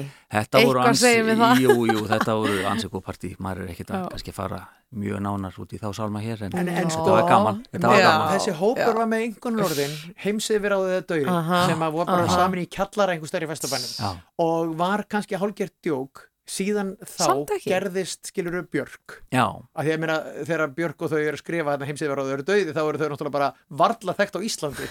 Hvað þá í Já, já. og ég meina uh, Sjón Aha. tilnæmdu til Óskarsvæluna er að skrifa kveikmyndahandrit hérna fyrir Hollywood. Ég meina Jón Gnar verður borgarstjóri Já, Reykjavík já, já, og, og já, hérna le, íslenski leikarar fara á stóra sviði verða heimsfrægir Mm. uh, leikstjórar líka. Þau- Já. mér, þetta, mér finnst einhvern veginn ótrúlegt hvað, hvað þið voru köld í þessu setja eitthvað svona markmið hálpartin í djóki eins og bara gerðist það? Já, já. Já, já, þetta var bara, en, en þú veist, þetta var ekki einhver, eins og þetta var einhvers konar svona, hérna, einhver svona karrierismi í þessu fólkinni eða svona einhver svona ein, einbyttu brótavili, þetta, þetta bara gerðist. Fól, uh, hérna, það var bara gaman að lifa og gaman að skapa og, og hérna, hver á sínu sviði og, og það var bara einhvern veginn, þetta gerðist, um, auðvitað náttúrulega voru síkumálunni með One Little Indian og, og, og það frábæra fyrirtæki sem að helt vel utanum, utanum þau sko og hérna þannig að þetta var bara dásan, dásanlegu tími sko Fannst, funduð þið eitthvað fyrir því að þarna væri eitthvað að breytast? Það væri eitthvað í loftinu? Mm, ég, ég veit ekki hversu meðvituð við vorum um það auðvitað náttúrulega þú veist, Sigurmálunni náttúrulega voru búin að vinna þú veist, sérstaklega Einar, hann var náttúrulega mjög vel tengdur, hafði búið í London og hérna þannig að hann var öllum nútum kunnugur og, og þannig að en svona meðvitund um hvað var að fara að gerast var kannski ekkit, nei, ekkit mjög Nei. sterk en auðvitað bara það tók eitt við öðru hjá þeim náttúrulega sérstaklega og, og hérna og svo dafnaði sko Ég sé þetta, eins og, ég sé þetta bara eins og þegar við erum að tala um sko þú veist, skaldin í París 1920 og mér finnst Einmitt. þetta tímabili verið eitthvað svo Já, leið en fyrir þetta mína er samt kynslu eins og þegar Steinun Sigur var hjá okkur um daginn, það gerist oft eitthvað einmitt í svona hópum, svona skapandi kreðsum, það Já. verður bara einhver svona sprengikraftur. Já. Já, já, og það er bara þannig já, það er bara þannig. Sko, Guðrún Eva, þú ert, við hefum hérna marg, marg uh, kynntið inn hér sem rithund, þú ert auðvitað bara hérna búin að skrifa síðan þú varst 18 ára. Já. Já. Síðan þú fegst hérna uppljómunina í hausinn. en þú ert með bók núna sem er bara nýkomin út, le- aðferðir til að lifa af. Já, kom út í byrjun oktober. Já, og ég nefnilega hitti Egil Helga hérna á ganginum og hann sagði sko bara, þú veist, ég bara, ok, hvað á ég að lesa, hvað á ég að lesa núna og sagði svona aðeins hvað ég var búin að lesa bara, þú verður að lesa Gurnifu og þetta er daldið svona orðið á göttin þetta er bara ein af albestu bókunum sem að koma núna út fyrir jólin uh, getur aðeins sagt okkur sagt okkur frá henni og hvernig hún verður til Vá, já, takk fyrir þetta. Já, hérna, sko ég oft fengið hlýlegar móttökur fyrir bækur en einhvern veginn aldrei alveg eins og fyrir þessa. Það er ótrúlegt að, að upplifa það. er Hvað hún hefur einhvern veginn svona smóið inn í hjartað hjá mörgum. En þetta er bara, þetta er stutt skaldsaga sem að er með fjórum aðalpersonum sem að fá allar svona orðið daldið til skiptis. Það er kannski ein aðal aðalpersona hérna í henni, mm -hmm. ertu ekki sammála sem að myndi vera þá Aron Snær hérna 11 ára út af því að hérna plottið í bókinni svona um, að því leiti sem hún er, er plottuð hérna svona snýstaldi uh, mikið Einmitt. um hann Já. og það er eitthvað svona rosalega næmni sem þú nærð, þú veist að skrifa fyrir þú veist bara, þú ert inn í hausnum og 11 ára dreng Já. maður velti fyrir sér hvernig það, veginn, hvernig þú nærð því, svona vel Já, einmitt, Ma, hérna, mm, sko, flestar þessar personur hafa eiga sér einhverja svona fyrirmyndir sem að ég þekkja einhver leiti eða kannast við auðveldamanni að setja sig í spór fólks að hafa hérna, umgengist að einhvern veginn. En sko þegar ég var að skrifa þessa bók þá hérna man ég alveg að það lættist ofta af mér einhver svona ótti um að ég er því bara hreinlega skömmuð fyrir það að hún væri já. En það hefur alls ekki, hún er náttúrulega mjög lágstemd Já. og svona einhvern veginn, það hefur alls ekki orðið raunin. Það er frekar eins og, eins og það verði til þess að fólk er svona einhvern veginn ofsalega feið að fá einhvern svona hverstasleika, hérna, ég bjóst alls ekki við því, en það er bara, og svo sér maður nú er pappa helgar að slá í gegn, það er svona önnur tegunda af hverstasleika, Já. en mér finnst rosalega gaman að sjá hérna þá þætti slá í gegn, af því að, að þeir eru svo lausir við glamúr og þe- þetta er bara, Ah. hérna, fólk þekkir sig svo í þessu Einmitt. að þetta er svo venjulegt fólk Já. Að gangi gegnum svo venjulega hluti En svo er sko, já, hún er lástend en hún, það er svona laumast inn bara svona geðveikur húmor Já. Þú veist, og maður bara svona skellir upp og það er svo einhvern veginn óvænt inn í saminginu einhvern veginn og það er rosalega svona Ég verð svo glöð þegar að fólk segir það af því að það er líka hægt að lesa hana og svona valla að taka eftir því Það er svona að halda kannski að maður megi ekki hlæja. Þú veist að því að húmurinn er náttúrulega að læðast þarna inn um, þú veist, hérna, erfiðari hluti. Já. En já, ég, hérna, ég ætlaði mig sannarlega að vera fyndin og hérna, og, og hérna er ótrúlega glöð og þakklátt þegar fólk hefur orðað því og tekur eftir því. Aha, Svo er þetta frábært titill líka sko, því að fólk getur líka sko, sjálfsjálfabækur eru mjög ekki inni sko, veist, þannig að já, aðfyrir til að lifa af ég. Ég þarf það, allir þurfa það. Já, ég er alveg að vona neyðast til að selja nokkur auka En, auka en inntökur. hefur, hversu mikla tilfinningu hefur fyrir því hvort að bók slæri gegn eða ekki? Ég bara Hvort þú ert að hitta naglan á höfuðið eða ekki? það er bara eitthvað sem að maður getur aldrei vitað. Og hérna, ef maður er alltaf að gefa út þá verður maður bara að venja sig af því að vera að, eins og að spája maður verður bara að vera undirgefin skáldagiðunni okay. og bara sér, hérna, og, og sínum eigin smekka einhver leiti hérna, út af því að það er, það er rosa auðvelt að standa með bók ef hún er alveg samkvæmt mann sé einn sannfæringu og smekk. Og hérna, af því að þá líður manni eins og maður sé svo svona samkvæmur sjálfum sér og Já. svona heill í Já. því sem maður er að gera þannig að ef hún mætir þá mótbyr þá hérna, getur maður einhvern veginn þú, veist, vita alveg bara inn í merk að hérna, ég gerði mitt besta Já. og, vann þetta eftir minni samfæringu Ég held sko fyrst að þetta væri smásagna sagna því að sko Austin, Texas er með sem kom út í fyrra, lítur eins út Já, ég veit. Er, er þetta einhver meðvituð ákvörðun? Varst þú, varst þú hluta af þessari ákvörðun eða er þetta eitthvað sem forleikjarinn bara ákvörður Sko, hérna, kápan er svolítið forleikjarana. Já. Það eru svona óskrifaða reglur í útgáfa heiminum að höfundarnir eiga titilinn Já. þó að sé hægt að taka stáum hann. En, en hérna, en forleikjarinn á kápuna. Og, en ég var alveg svona með í ráðum það, hérna, eina sem að ég var alveg vissum að ég vildi var sami kápuhönnur og síðast og þar síðast. Já. Ragnar Helgi. Já, einmitt. Hann er svo flýkur. Já, hann er það, Og hans, hans fagufræði einhvern veginn fe- fellur mjög vel saman með mína og þá, þá er eitthvað rétt að hann gerir kápu fyrir mína bók og allt það. Uh-huh. En, en ég vissi að þetta er ekki slis, þetta er ekki óvart, þetta er alltaf, og, þetta heldur fólk eða að þetta sé framhald eða, Uh-huh. eða fleiri smásögur, Mhm. en, en hérna, hins vegar þá bara eiga þessar bækur hérna, svo mikið sammeilagt sem er samt hérna, erfitt að setja alveg fingur á.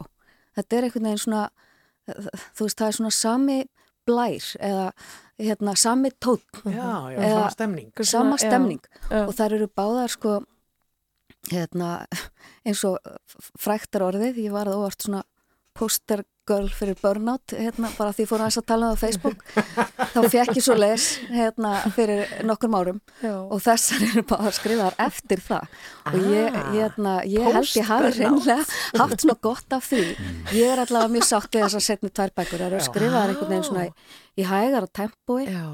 ég, hérna, þegar ég skrifa hinnar bækunum mín og ég titra alltaf þegar ég skrifa og skalfa eins Í alvöru? og svo bara þurfti ég fórt að hlaupa til að hérna, einhvern veginn ná út nervus orkunni og hérna fyrir svona þreymur árum þá hvað ég bara ég hefði ekki lengur efni á því að fara inn í þessa svona manísku orku ah. og hérna það, þú veist Þannig að þetta er svona ný grein bókmynda post-burnout literature. Já, ég samt hérna, hérna, mér finnst það svona markaslega ekki gott heiti.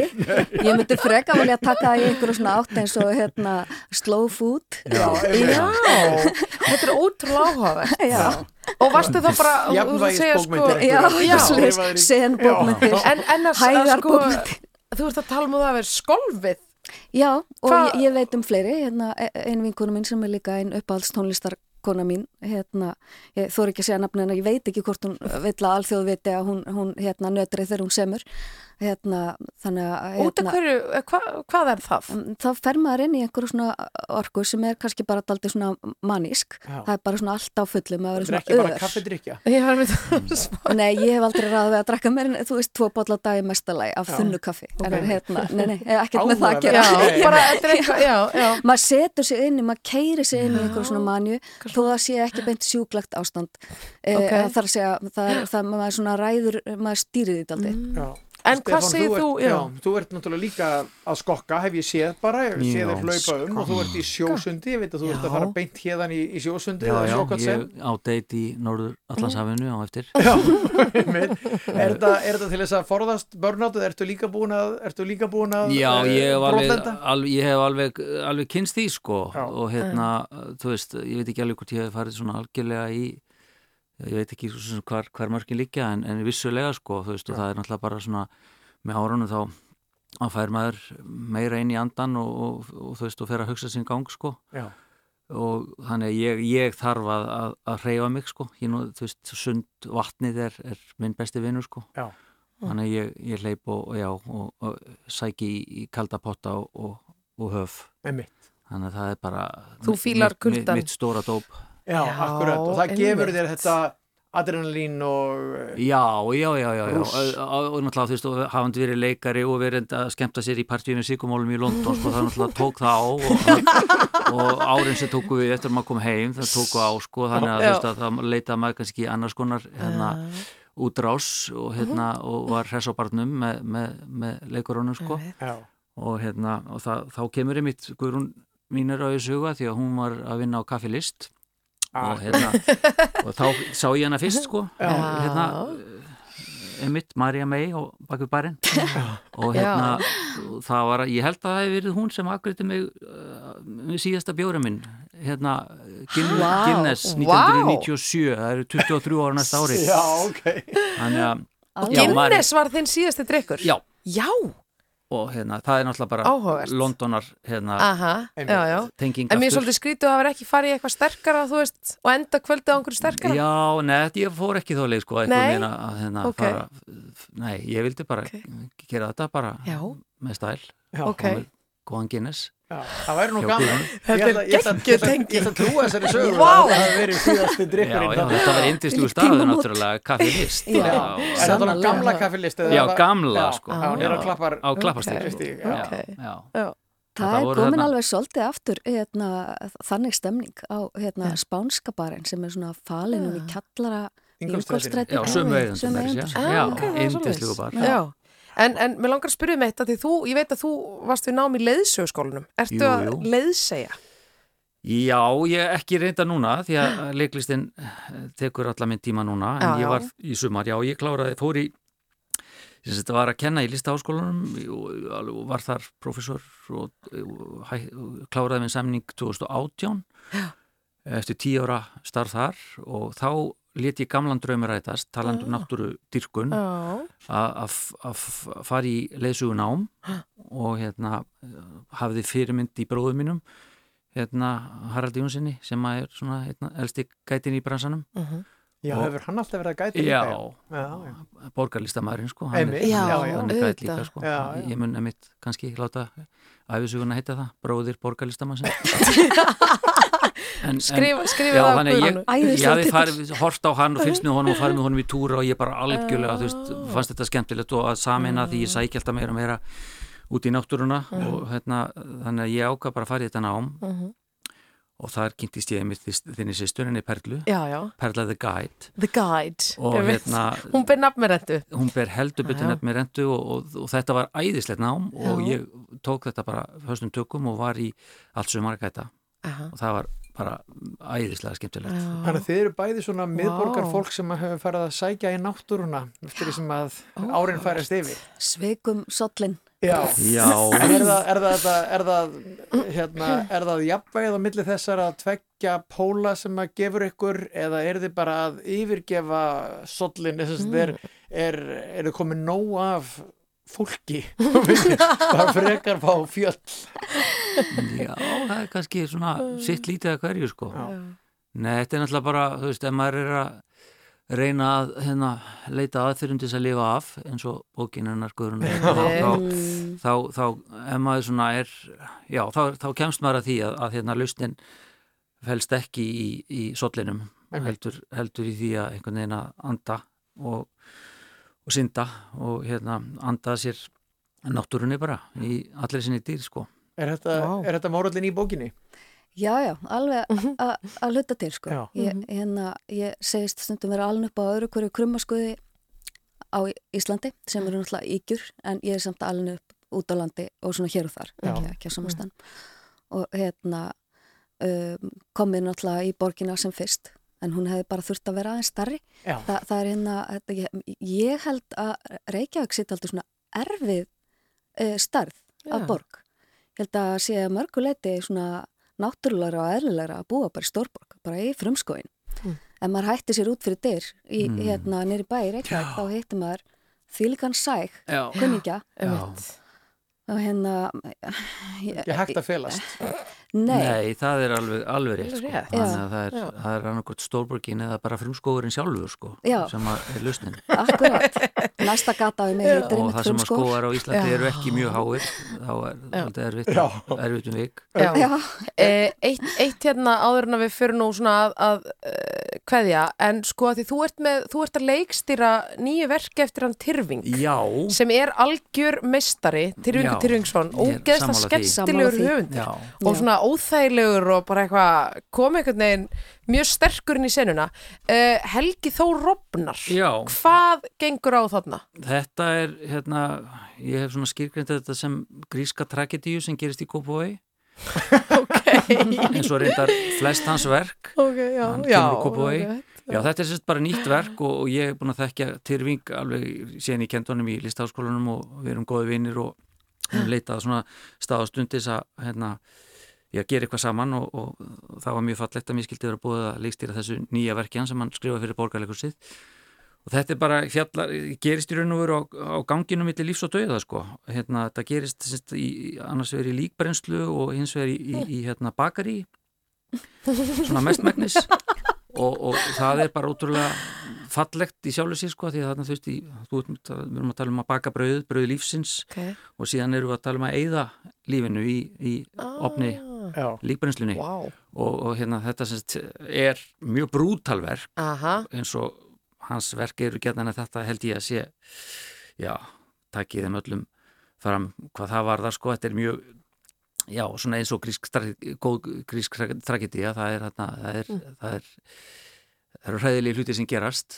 En, en um leið er hann í öllum hans verkum, þá er hann bara með mjög svo sterka tengingu við mennskuna og, og það að vera manneski í öllum sínu breyskleika og, og hérna, og náttúrulega sinn sérstaka húmor sem, mm Mhm. sem að umveifur allt Mhm. þannig að Mhm. hans verkinas eru ótrúlegu bræðingur af svo ótrúlega mörgu sko. þetta, er svona, það eru það- þetta er ó, já, bara unaðslegt að taka stofið hennar texta þetta er svo vel skrifað og, og ég er með flotta leikara og þannig ég hlakka til að frumsýna þetta já, 17. í janúar Ætlar að segja 17. júni Nei, það er ekki alveg Það er ekki alveg besti Ég held að það sé ekki að bjóða, upp á þetta stóra sjónum stundum 17. janúar, já, þetta er skemmtilegt en hérna, sko, það er búið að selja réttina Jósói, eða hvernig ber maður fram titilin? Jós, Jósói Jósói bara hvernig sem þú vilt. Já, en það er bókinan um sirkusinn Já, Er það já, ekki? Já. komið 2005 Já, er, er verið að gera kvikmynd upp úr henni eða? Nei, þú ert örgulega að segja eitthvað gammalt á Nú, ok. hérna, fólk sem, að, sem langar mjög mikið til að gera það. Aha. það er kannski hægara sagt en gert. Þetta er kannski frekar sjónvastættir þetta er svo hérna, stóru og viða mikil bók en hver veit, einhver tíma. Og frábær og frábær bók. Ótrúlega skemmtileg, já. rosalega gaman Já. að fá ykkur. Já, Æðislegt. Yndislegt að koma til ykkur Takk fyrir að le fyrir. leiða okkur í gegnum þennan Já, veistu, mér líður eins og ég hef verið einhver svona sálfræð tíma er Já, við tölum um þetta þegar við komum inn inn það, þú veist, þeir eru svo hress hérna. Og, og, og þú veist, og bara maður er nývaknaði til til að við skulum aðeins taka þetta niður. Svo- skulum aðeins að taka þetta innilega til hamingjum bókina. Ég er svo ógeðslega spennt að klára hana því hún er æðisleg. Takk. fyrir að koma og Stefán Við hlökkum til að koma í leikusið Og erum ána með þið á fjölunum núna. Og takk. Og takk, og verið þið Takk fyrir að koma. Og hér kemur hann glúmur með sprengjöðlinni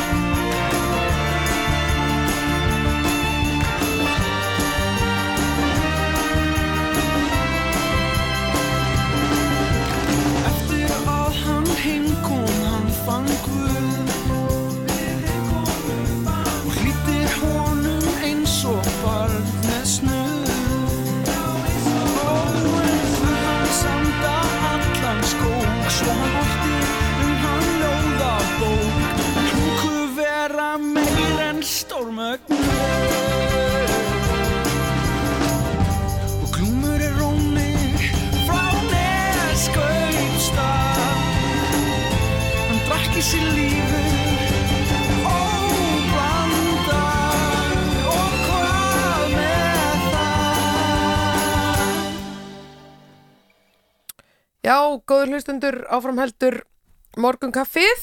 Það gerir það nefnilega, það Vel- gerir það Velkomin á fætur, þið sem voru að fara á fætur. Ég er svona aðeins að því, þú veist, við getum ekki bara rekna með að allir vakni sex og lötum eins og við. Fullt af fólki er nývaknað og, og morgunkaffið er þáttur sem dæmir ekki Nei, við erum blíð yngri aðstöð til að dæma fólk og gerum það ég þess vegna vil, ekki. ég vil fá hérna nýtt stef Já. hérna við fáum, fáum Dodda litla til þess að hérna, Dodda litla? Já, hann, hann getur allt, Dodda litli okkar allra besti maður Já, vá, þetta er stórt. hann, Stórt. hann, Við fáum hann hérna Vá. til þess að koma og gera eitthvað svona stef eitthvað, þú veist, svona rásar tvö stef það sem kemur morgunkaffið dæmir ekki Hvernig hefur fá til að lesa þetta? Ég vil fá bara eitthvað svona, hvað með svona, eitthvað svona, hvað heitir hann að, Ég held ég myndi vilja fá Daniel Ágúst. Arnar Jónsson eða eitthvað. Já, það getur fengið Arnar Daniel Jónsson Já, ég, Daniel Ágúst vera maðurinn í En, það en Björn Jörundur, Eða Björn Jörgur ég vel sjálfur bara. Sjálfur. Já. Eða eitthvað, eitthvað allt annað Þú veist. Já, við þessi fimmboa bara. Fá við þessi fimmboa til þess að lesa. Það væri eitthvað svona- Morgunkaffið, dæmir, Dæmir ekki. engan. Já, Já, dæmir engan, dæmir ekkert. Dæmir ekki, Dæmir punktur, ekki. punktur, punktur. Nei, það er, það er málið, Nei, það, hér er bara já, kærleikur Hér er kærleikur. og ekkert engir, dómar, þannig Nei, ef að þið voruð að vakna þá segjum við bara við ykkur velkomin á fætur og við samgleðjumst að þið skulle hafa getað sofið út Ætli sé orðið bjart. Við, nú höfum við ekki verið... Það er orðið bjart, ég held að það sé nokkuð Já, ég var nú aðeins að tjóka. En sko, en náttúrulega eins og við byrjuðum þáttina á að segja, þá er þá er hérna uh, eftir mánuð verður Mm. sólin byrjuð að hækka á lofti Mhm. það, er tu- það er forlagsmessa eftir mánuð Mhm. og sólin byrjar hún sagt, vetrar sólstöður sem Mhm. heita það vegna þess að sólin er þá kjurr Aha. hún er hvorki að hækka lækka Einmitt. það eru klukkan fjögur um nóttina Það aðfarn 20 á og- 20. og annars Já, og þá er sagt sólin aðeins að hugsa sig um Mhm. hvort hún ætti að lækka aðeins meira og segja, nei, nú, nú, ég Nú að- réttum við þetta af. nú held ég að fara aðeins að rísa Aðeins nú held ég að fara aðeins að rísa Gaman, Já. gaman, gleð og gaman.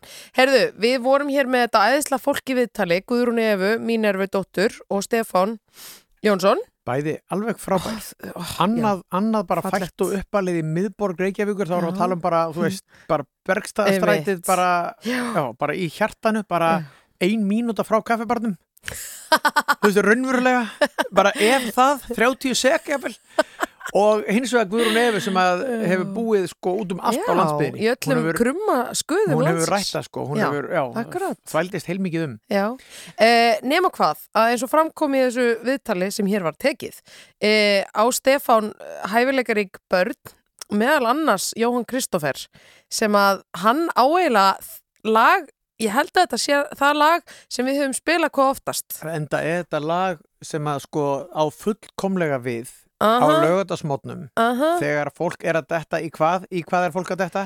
um, Þetta í kampænið Nei, helgarfrí Já. Lægið heitir helgarfrí Fyrir ekki, þetta var ekki Nei, ég alveg bara, byrju- Ég held ég var að gefa Já. stóðsendingu og svo myndu þú smassa en þetta var ekki alveg nei, en kappa mín Þú sér líka hvað er efst í mínum huga. Já, ég meina, Nei, að nei. því ég hugsaði, þú veist, hún er 20 myndir í 12 Og við erum að detta í aðvenduna, er ekki allir að fara eitthvað á jómfrúna og bara bjór, Jú, og, jú. bjór og, og, og, og snafs í háti? Eða þú veist, Ég vil meina ekki- bara ætla ekki 100p. vera- ég ætla ekki vera að hvetja fólk til drikju en ég meina, þetta er bara staðan. Þetta er bara Ég hef augljóst. labbað þarna framhjá í Við erum bara að tala um staðarindir Við erum bara að tala um staðarindir, júlifrókost. Og enginn dæmdur, Nei, við munið það. við Nei, ég segi svona, við höfum verið að miða við 12 Þá er svona löglegt að byrja Pop it up, Nákvæmlega, taka tappan úr flöskunni. Nema hvað, þetta er lagi en allt í helgafrí hófi.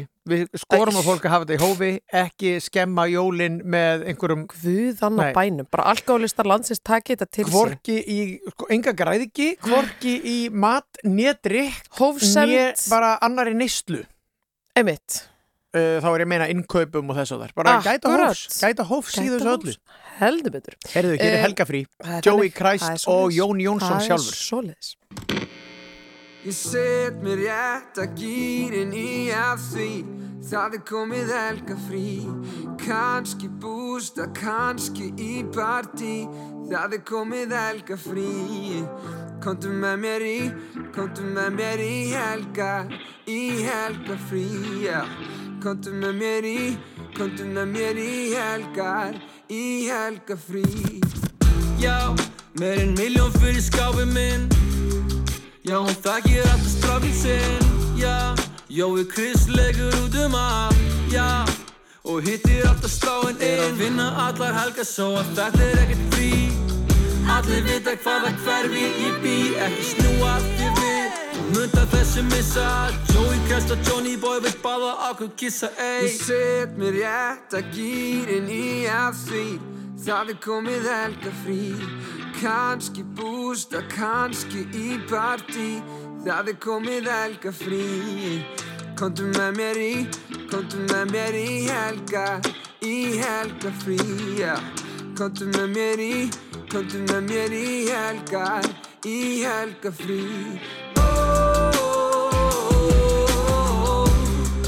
Í frí Það er komið helga frí Tutu yfir fjör, fastu dag, hvað það fyrir Ég gæti sagt ykkur sög sem myndu gera ykkur kvíðinn Nú er helgin að koma og ég syng fyrir líðin Joey vill bara slaka og fá að vita um prísinn Skræsku handi Jesse púla upp á bíl, ey.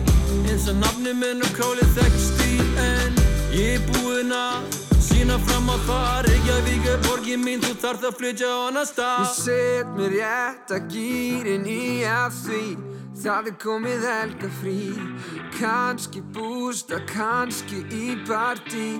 Það er komið helga frí Komdu með mér í, komdu með mér í helga Í helga frí, já. Komdu með mér í, komdu með mér í helga Í helga frí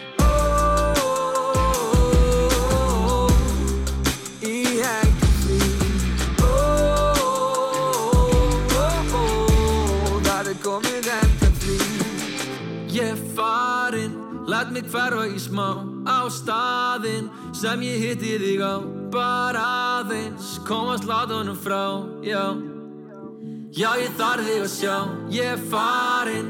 Læt mig hverfa í smá á staðinn sem ég hitti þig á. Bara aðeins komast látunum frá, já. Já, ég þarf þig að sjá, ég er farinn.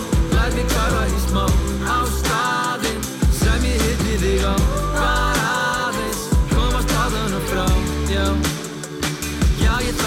þarf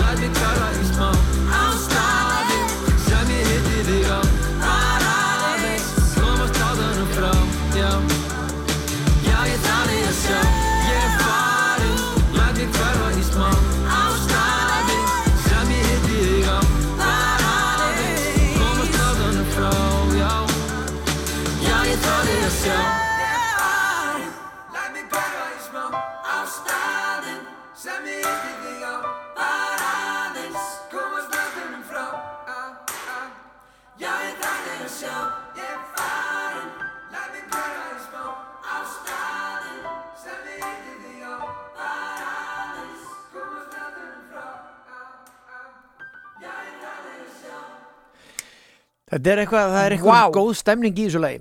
Vá. Heyrðu, höldum áfram, þú veist, þetta, ég finn hvernig dagurinn er að kera sig í gang. Úf. Já, Já. bara, hérna, fólk, það er, bara, ég veit að þeir sem eru skoð aðdándur enska boltans eru glaðir að því að það er aftur að byrja enski boltin eftir landsleikja. Hlje, Einmitt, maður hefur verið að telja þamba niður hérna dagana kaffi. alveg bara, já, hafast að Nei, frussa menn kannski ekki allir, ég veit Ah. ekki, en þeir sem eru í því eru í því. Uh, Fullotni kallmenn að sparka í bolta Betra sjónásefni finnst ekki Sko mörgum finnst þetta. Nei, já, mörgum finnst ég, þetta. Mörgum finnst þetta hins ég ekki. hef, Já, já, Já, svona er nú Og lífið við höfum skemmtilegt. öll rétt á okkar Ég meina tilveru það eru alls konar það er alls konar hátíðir, er ekki bókamessa í gangi, Jú, það jú. það er alls konar hlutir að gera Hörpu, hörpunni takturinn, eh, hvað var að segja bumbuslátturinn er að svona hérna, verða meira áberandi sem að já, ef maður, maður gáður ekki að sér er maður komin í Mm. neyslu æði já. bara innan tíðar já. og, og Einmitt. hérna enda bara mánuðu til jóla og þá þarf að selja fólki þetta dót og, og allt þetta er en Já, að láta fólki eigða um efni fram Bókamessa í bókmentaborg Já. Þegar Reykjavík er auðvitað bókmentaborg Já, er Heldur betur Gísli Já. Martin 11-17 Harpan Svo er náttúrulega einhverjir sem eru sko ofur peppaðir ætla að fara nýra á austu, að mótmæla líka í Já, dag. Hann kref, er- krefjast nýrar stjórnarskrár og hvað? Ég hef ekki alveg kynnt mér þetta en ég veit að það er Af- allavega er ekki afsögnan Það er einhvers staðar margir reyðir en það eru margir í stuði já. og þetta er bara, þú veist, það er alls konar hlutir að gera. Það sem minn punktur er, það er rosalega margt að gerast. Einmitt. Þetta, þessar, þessar Ah. helgar fram til jóla verða, verða mjög ásetnar Það er verða þjættar og, og skemmtilegar segir mér svo hugur. Þannig að þess vegna ætlum við að spila strax annað peppað lag Hugsanlega eitt Mhm. það er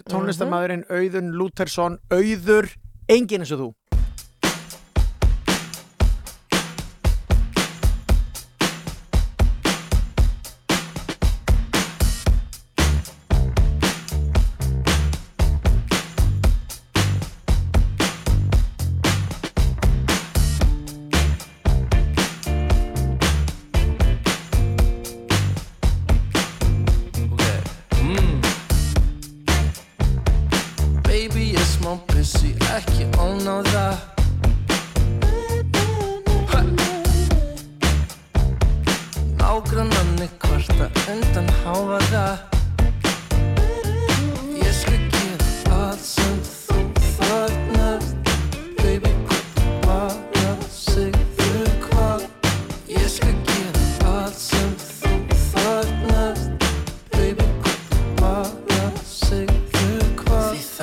enginn eins og þú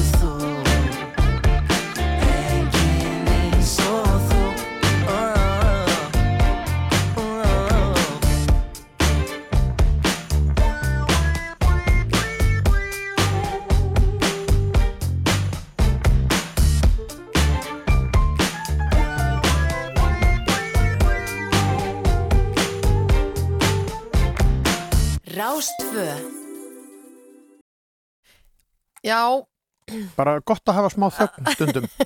Þessi síbilja er ekki góð fyrir neitt og bara er nýtt hérna í þessum þætti. Þegar við Dótti ætlum fyrir að að gera nýju þegja stefin okkar þá segjum við líka morgunkaffið þar sem þögnin ræður ríkjum. Ef við, ítum við svo takka hva, hvað er það lengsta sem þú hefur þagað? í lífinu? Telur með nætur? Nei, Nei. Ég, er svona, ég er að velta, ég myndi skjóta svo, tvær mínútur um, já, já.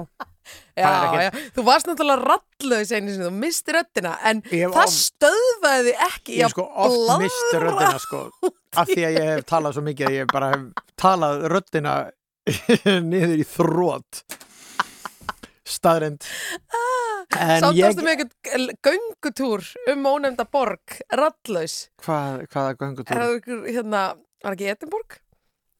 Gangandi þetta með einhvern hóp manna. Nei, þetta var kannski enga samtal. Nei, ég man ekki, ég man ekki eins og nýkóðu ert að vísa en, en ég er alveg tilbúin til að gangast við þessu. Þú, þú bjóst um tíma í Edinborg eins og rétt, þau veit þess að hún varst að læra skipulasfræði Já. eða eitthvað slíkt, Já. borgar skipulasstjórnun Eitthvað eitthvað, og þú vinninni komi heims Já, já, það er rétt, já, þegar þeir komu. Æsku vinnir og breyðaldurinn komu í heimsókn og ég var svo peppaður að þeir væri að koma ég var búin að lesa mér rosa mikið til um borgina til að þeir eru enga, þeir eru bara áhuga að drekka bjór. Og svo er þetta náttúrulega, þú veist, maður er alltaf að lappa með frá götum og svo mikið læti og ég var eitthvað reyna alltaf öskrandi yfir yfir háfaðan af bílunum misti röddina bara eftir mjög á stuttan tíma fyrsta kvöldi Já, og svo voru ykkur fjóri dagar eftir og þú, Já. það stöðvaði ekki Nei, nei, nei, nei. Ég, ég þjöstnaðist á því, þessu, því, því hérna, litla sem eftir var af röddinni. En svo fóru Ég þeir veist heim og ég ég jafnaði mig. Ég hefði nógan tíma til að jafna mig. svo fyrir mér já, já. En það þarf líka að segja svo það- margt um Edinborg, þetta er svo góð borg. Já, dásanum borg. Já. Herðu, nema hvað, að við ætlum að halda áfram hér með fjörið. Um, næst er lag sem að þjóðin þekkir og elskar. Þetta er Rangur maður. Þetta er lag gítarpartíana, myndi ég segja. Mhm. Er það ekki? Er þetta ekki svona top 3? Þú veist, það er einn ein með gítar, Já.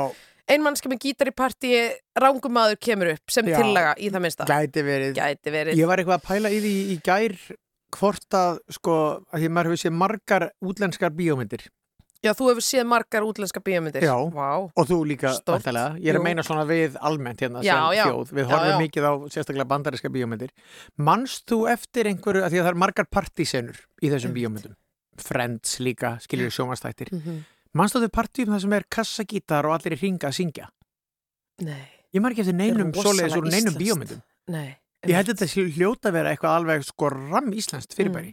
En svo er maður einmitt tekur bara ný, ný, nýlegt dæmi úr íslensku mynd, Agnes Joy, Já. þar kemur gítar heldur betur sögu í einni sinni, Já, en það er nú bara svona, þú veist, matarbóð, en enga síður. Sko þetta er, þetta, þetta kassagítarspartí, Mm það sem er ekki sko tónleikar, heldur Mhm. það eru allir með, Mhm. allir öskarandi á gítarleikaran og í gamla dag náttúrulega kunni engin textar, en núna get allir verið með símana sína Já, og verið að syngja. Aha.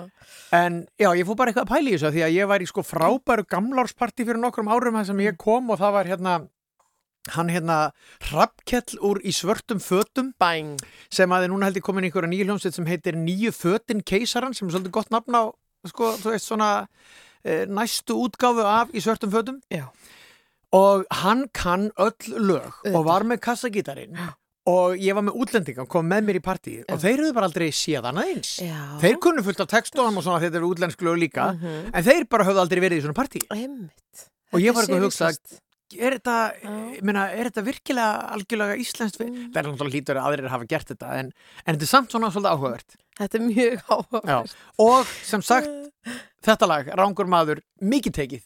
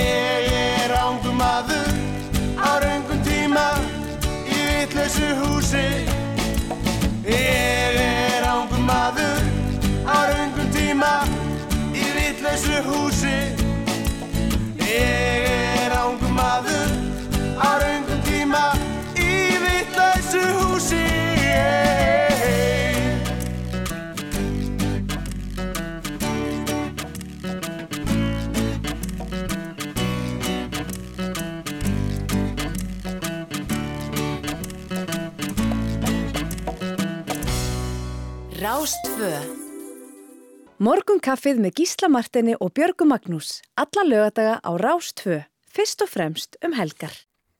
Fyrst og fremst um helgar, fyrst og fremst bara í hádeginu á lögutum. Fyrst og fremst. Og nú klukkunar 12 þetta þýðir Þetta þýðir að botnin við, upp. við heyrum, við heyrum svona, sko, við heyrum fólk vera er svona eitthvað sprúðlandi að opnast. Sprúðlandi? Sumir eru kannski bara í sótavatni, sótavatn og, og appisínusafi saman. Úf.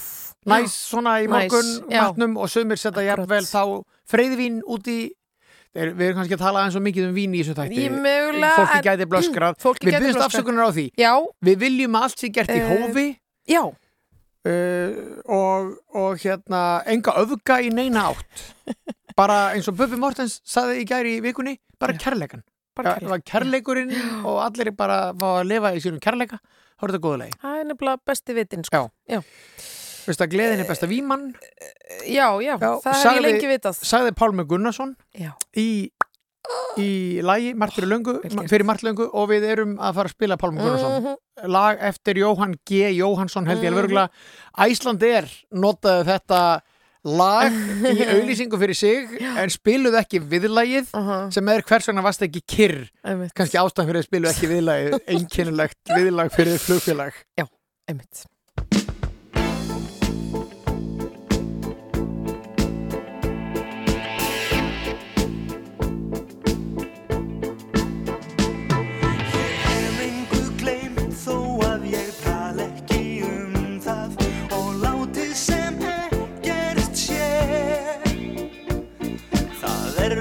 best geimt sem tengt er sorg eða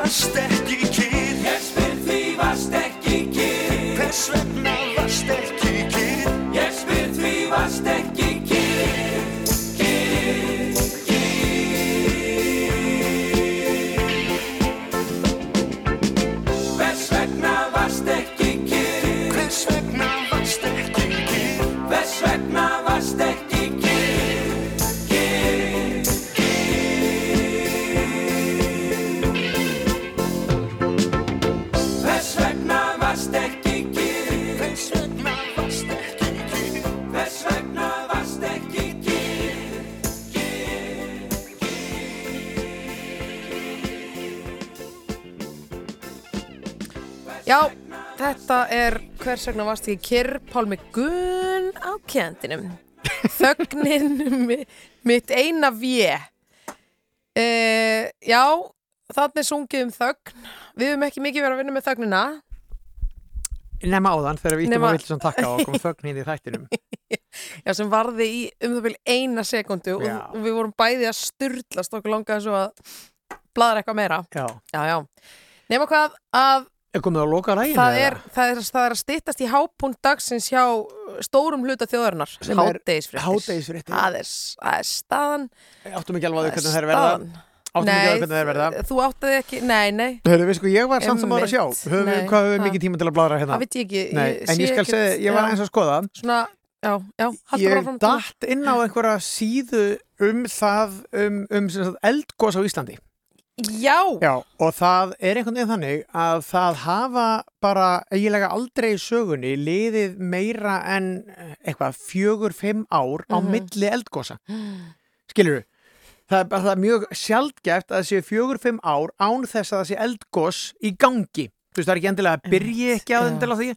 Nema, nema núna er að vera komin svo mörg ár. Þannig að ég ætla, ég ætla að vera með spátum, ég ætla að spá eldgósi á næsta ári. Af því að það var ekki eldgós á þessu, ekki Já. síðast, ekki þar síðast og ég held ekki heldur þar á Ert undan. þú bara eitthvað völva vikunar? Nei, nei, Ert þú þessi og ég, völva? og ég er engin sko, og ég er engin jarðfræðingur heldur en það er bara mjög auðvelt að, Nei, ég að meina fletta þetta- upp öllum eldgósum Já, og þetta er alveg, þetta hafa, það hafa lærðir, lærðir hérna, menn og konur talað um þetta. Er Að það að það hljóti bara að stýttast í sko, næsta, það, var, sko. það var ekkert gós 2016 ekki 2017, ekki 2018 og ekkert allavega enn sem komið er á 2019. Þetta eru er fjögur ár já. án gós og það er orðið mjög óvinnulegt. Einmitt. Ætla sé verið að hlaði eitthvað stórt. Ég veit ekki. eða einhvern veginn Nei. virknin að minka eða eitthvað Eða- ég, já. eins og ég segi, ég er ekki eldgósafræðingur en ég ætla að spá þessu Já. Eh, þetta nefnir ég svona tengslum við það að fréttir eru að byrja að kannski Já, verður, ef, ef það koma fréttir af eldgósi í fréttunum þá er þetta bara þá er það bara þannig en við ætlum að tala um allt annað við ætlum að spila loka lagi Já, við ætlum bara að, við ætlum, já, já, einmitt Viltu kynna það? það, er eiginlega bara þannig kæra? Já, eh, þetta er nú svona, hvað getur maður sagt? Þetta Lög- Laugardagslag Þetta er lögadagslag, þetta er mikið lögadagslag, mikið tekið, maður sér þetta fyrir sér þessa senu. Fjólublátt ljós við barinn, gott fólk. og það er sko, er þetta ekki, ég held að þetta sé að Þorger Ástálsson Tokki Tempo Tókið tempo á Hann- kalíkunni. Já, þegar hann var svoleiðis. sko bara eitthvað Það er 13 svoleiðis. ára var hann var fræg popstjarn á Íslandi og hérna stendur núna vaktina í, hérna í, í síðdeigist áttum Já, jú, situr En- eða stendur, við vitum það ekki en alveg. hér er hann Boom. í S-inu sínu með, með klíkunni við barinn og á þessum nótum kveðjum við er það ekki Jú, Björg? jú, á þessum nótum bara, jú, ekkert á þessum, bara á þessari nótu. Takk fyrir og, og, og verið sæl, hafið það gott.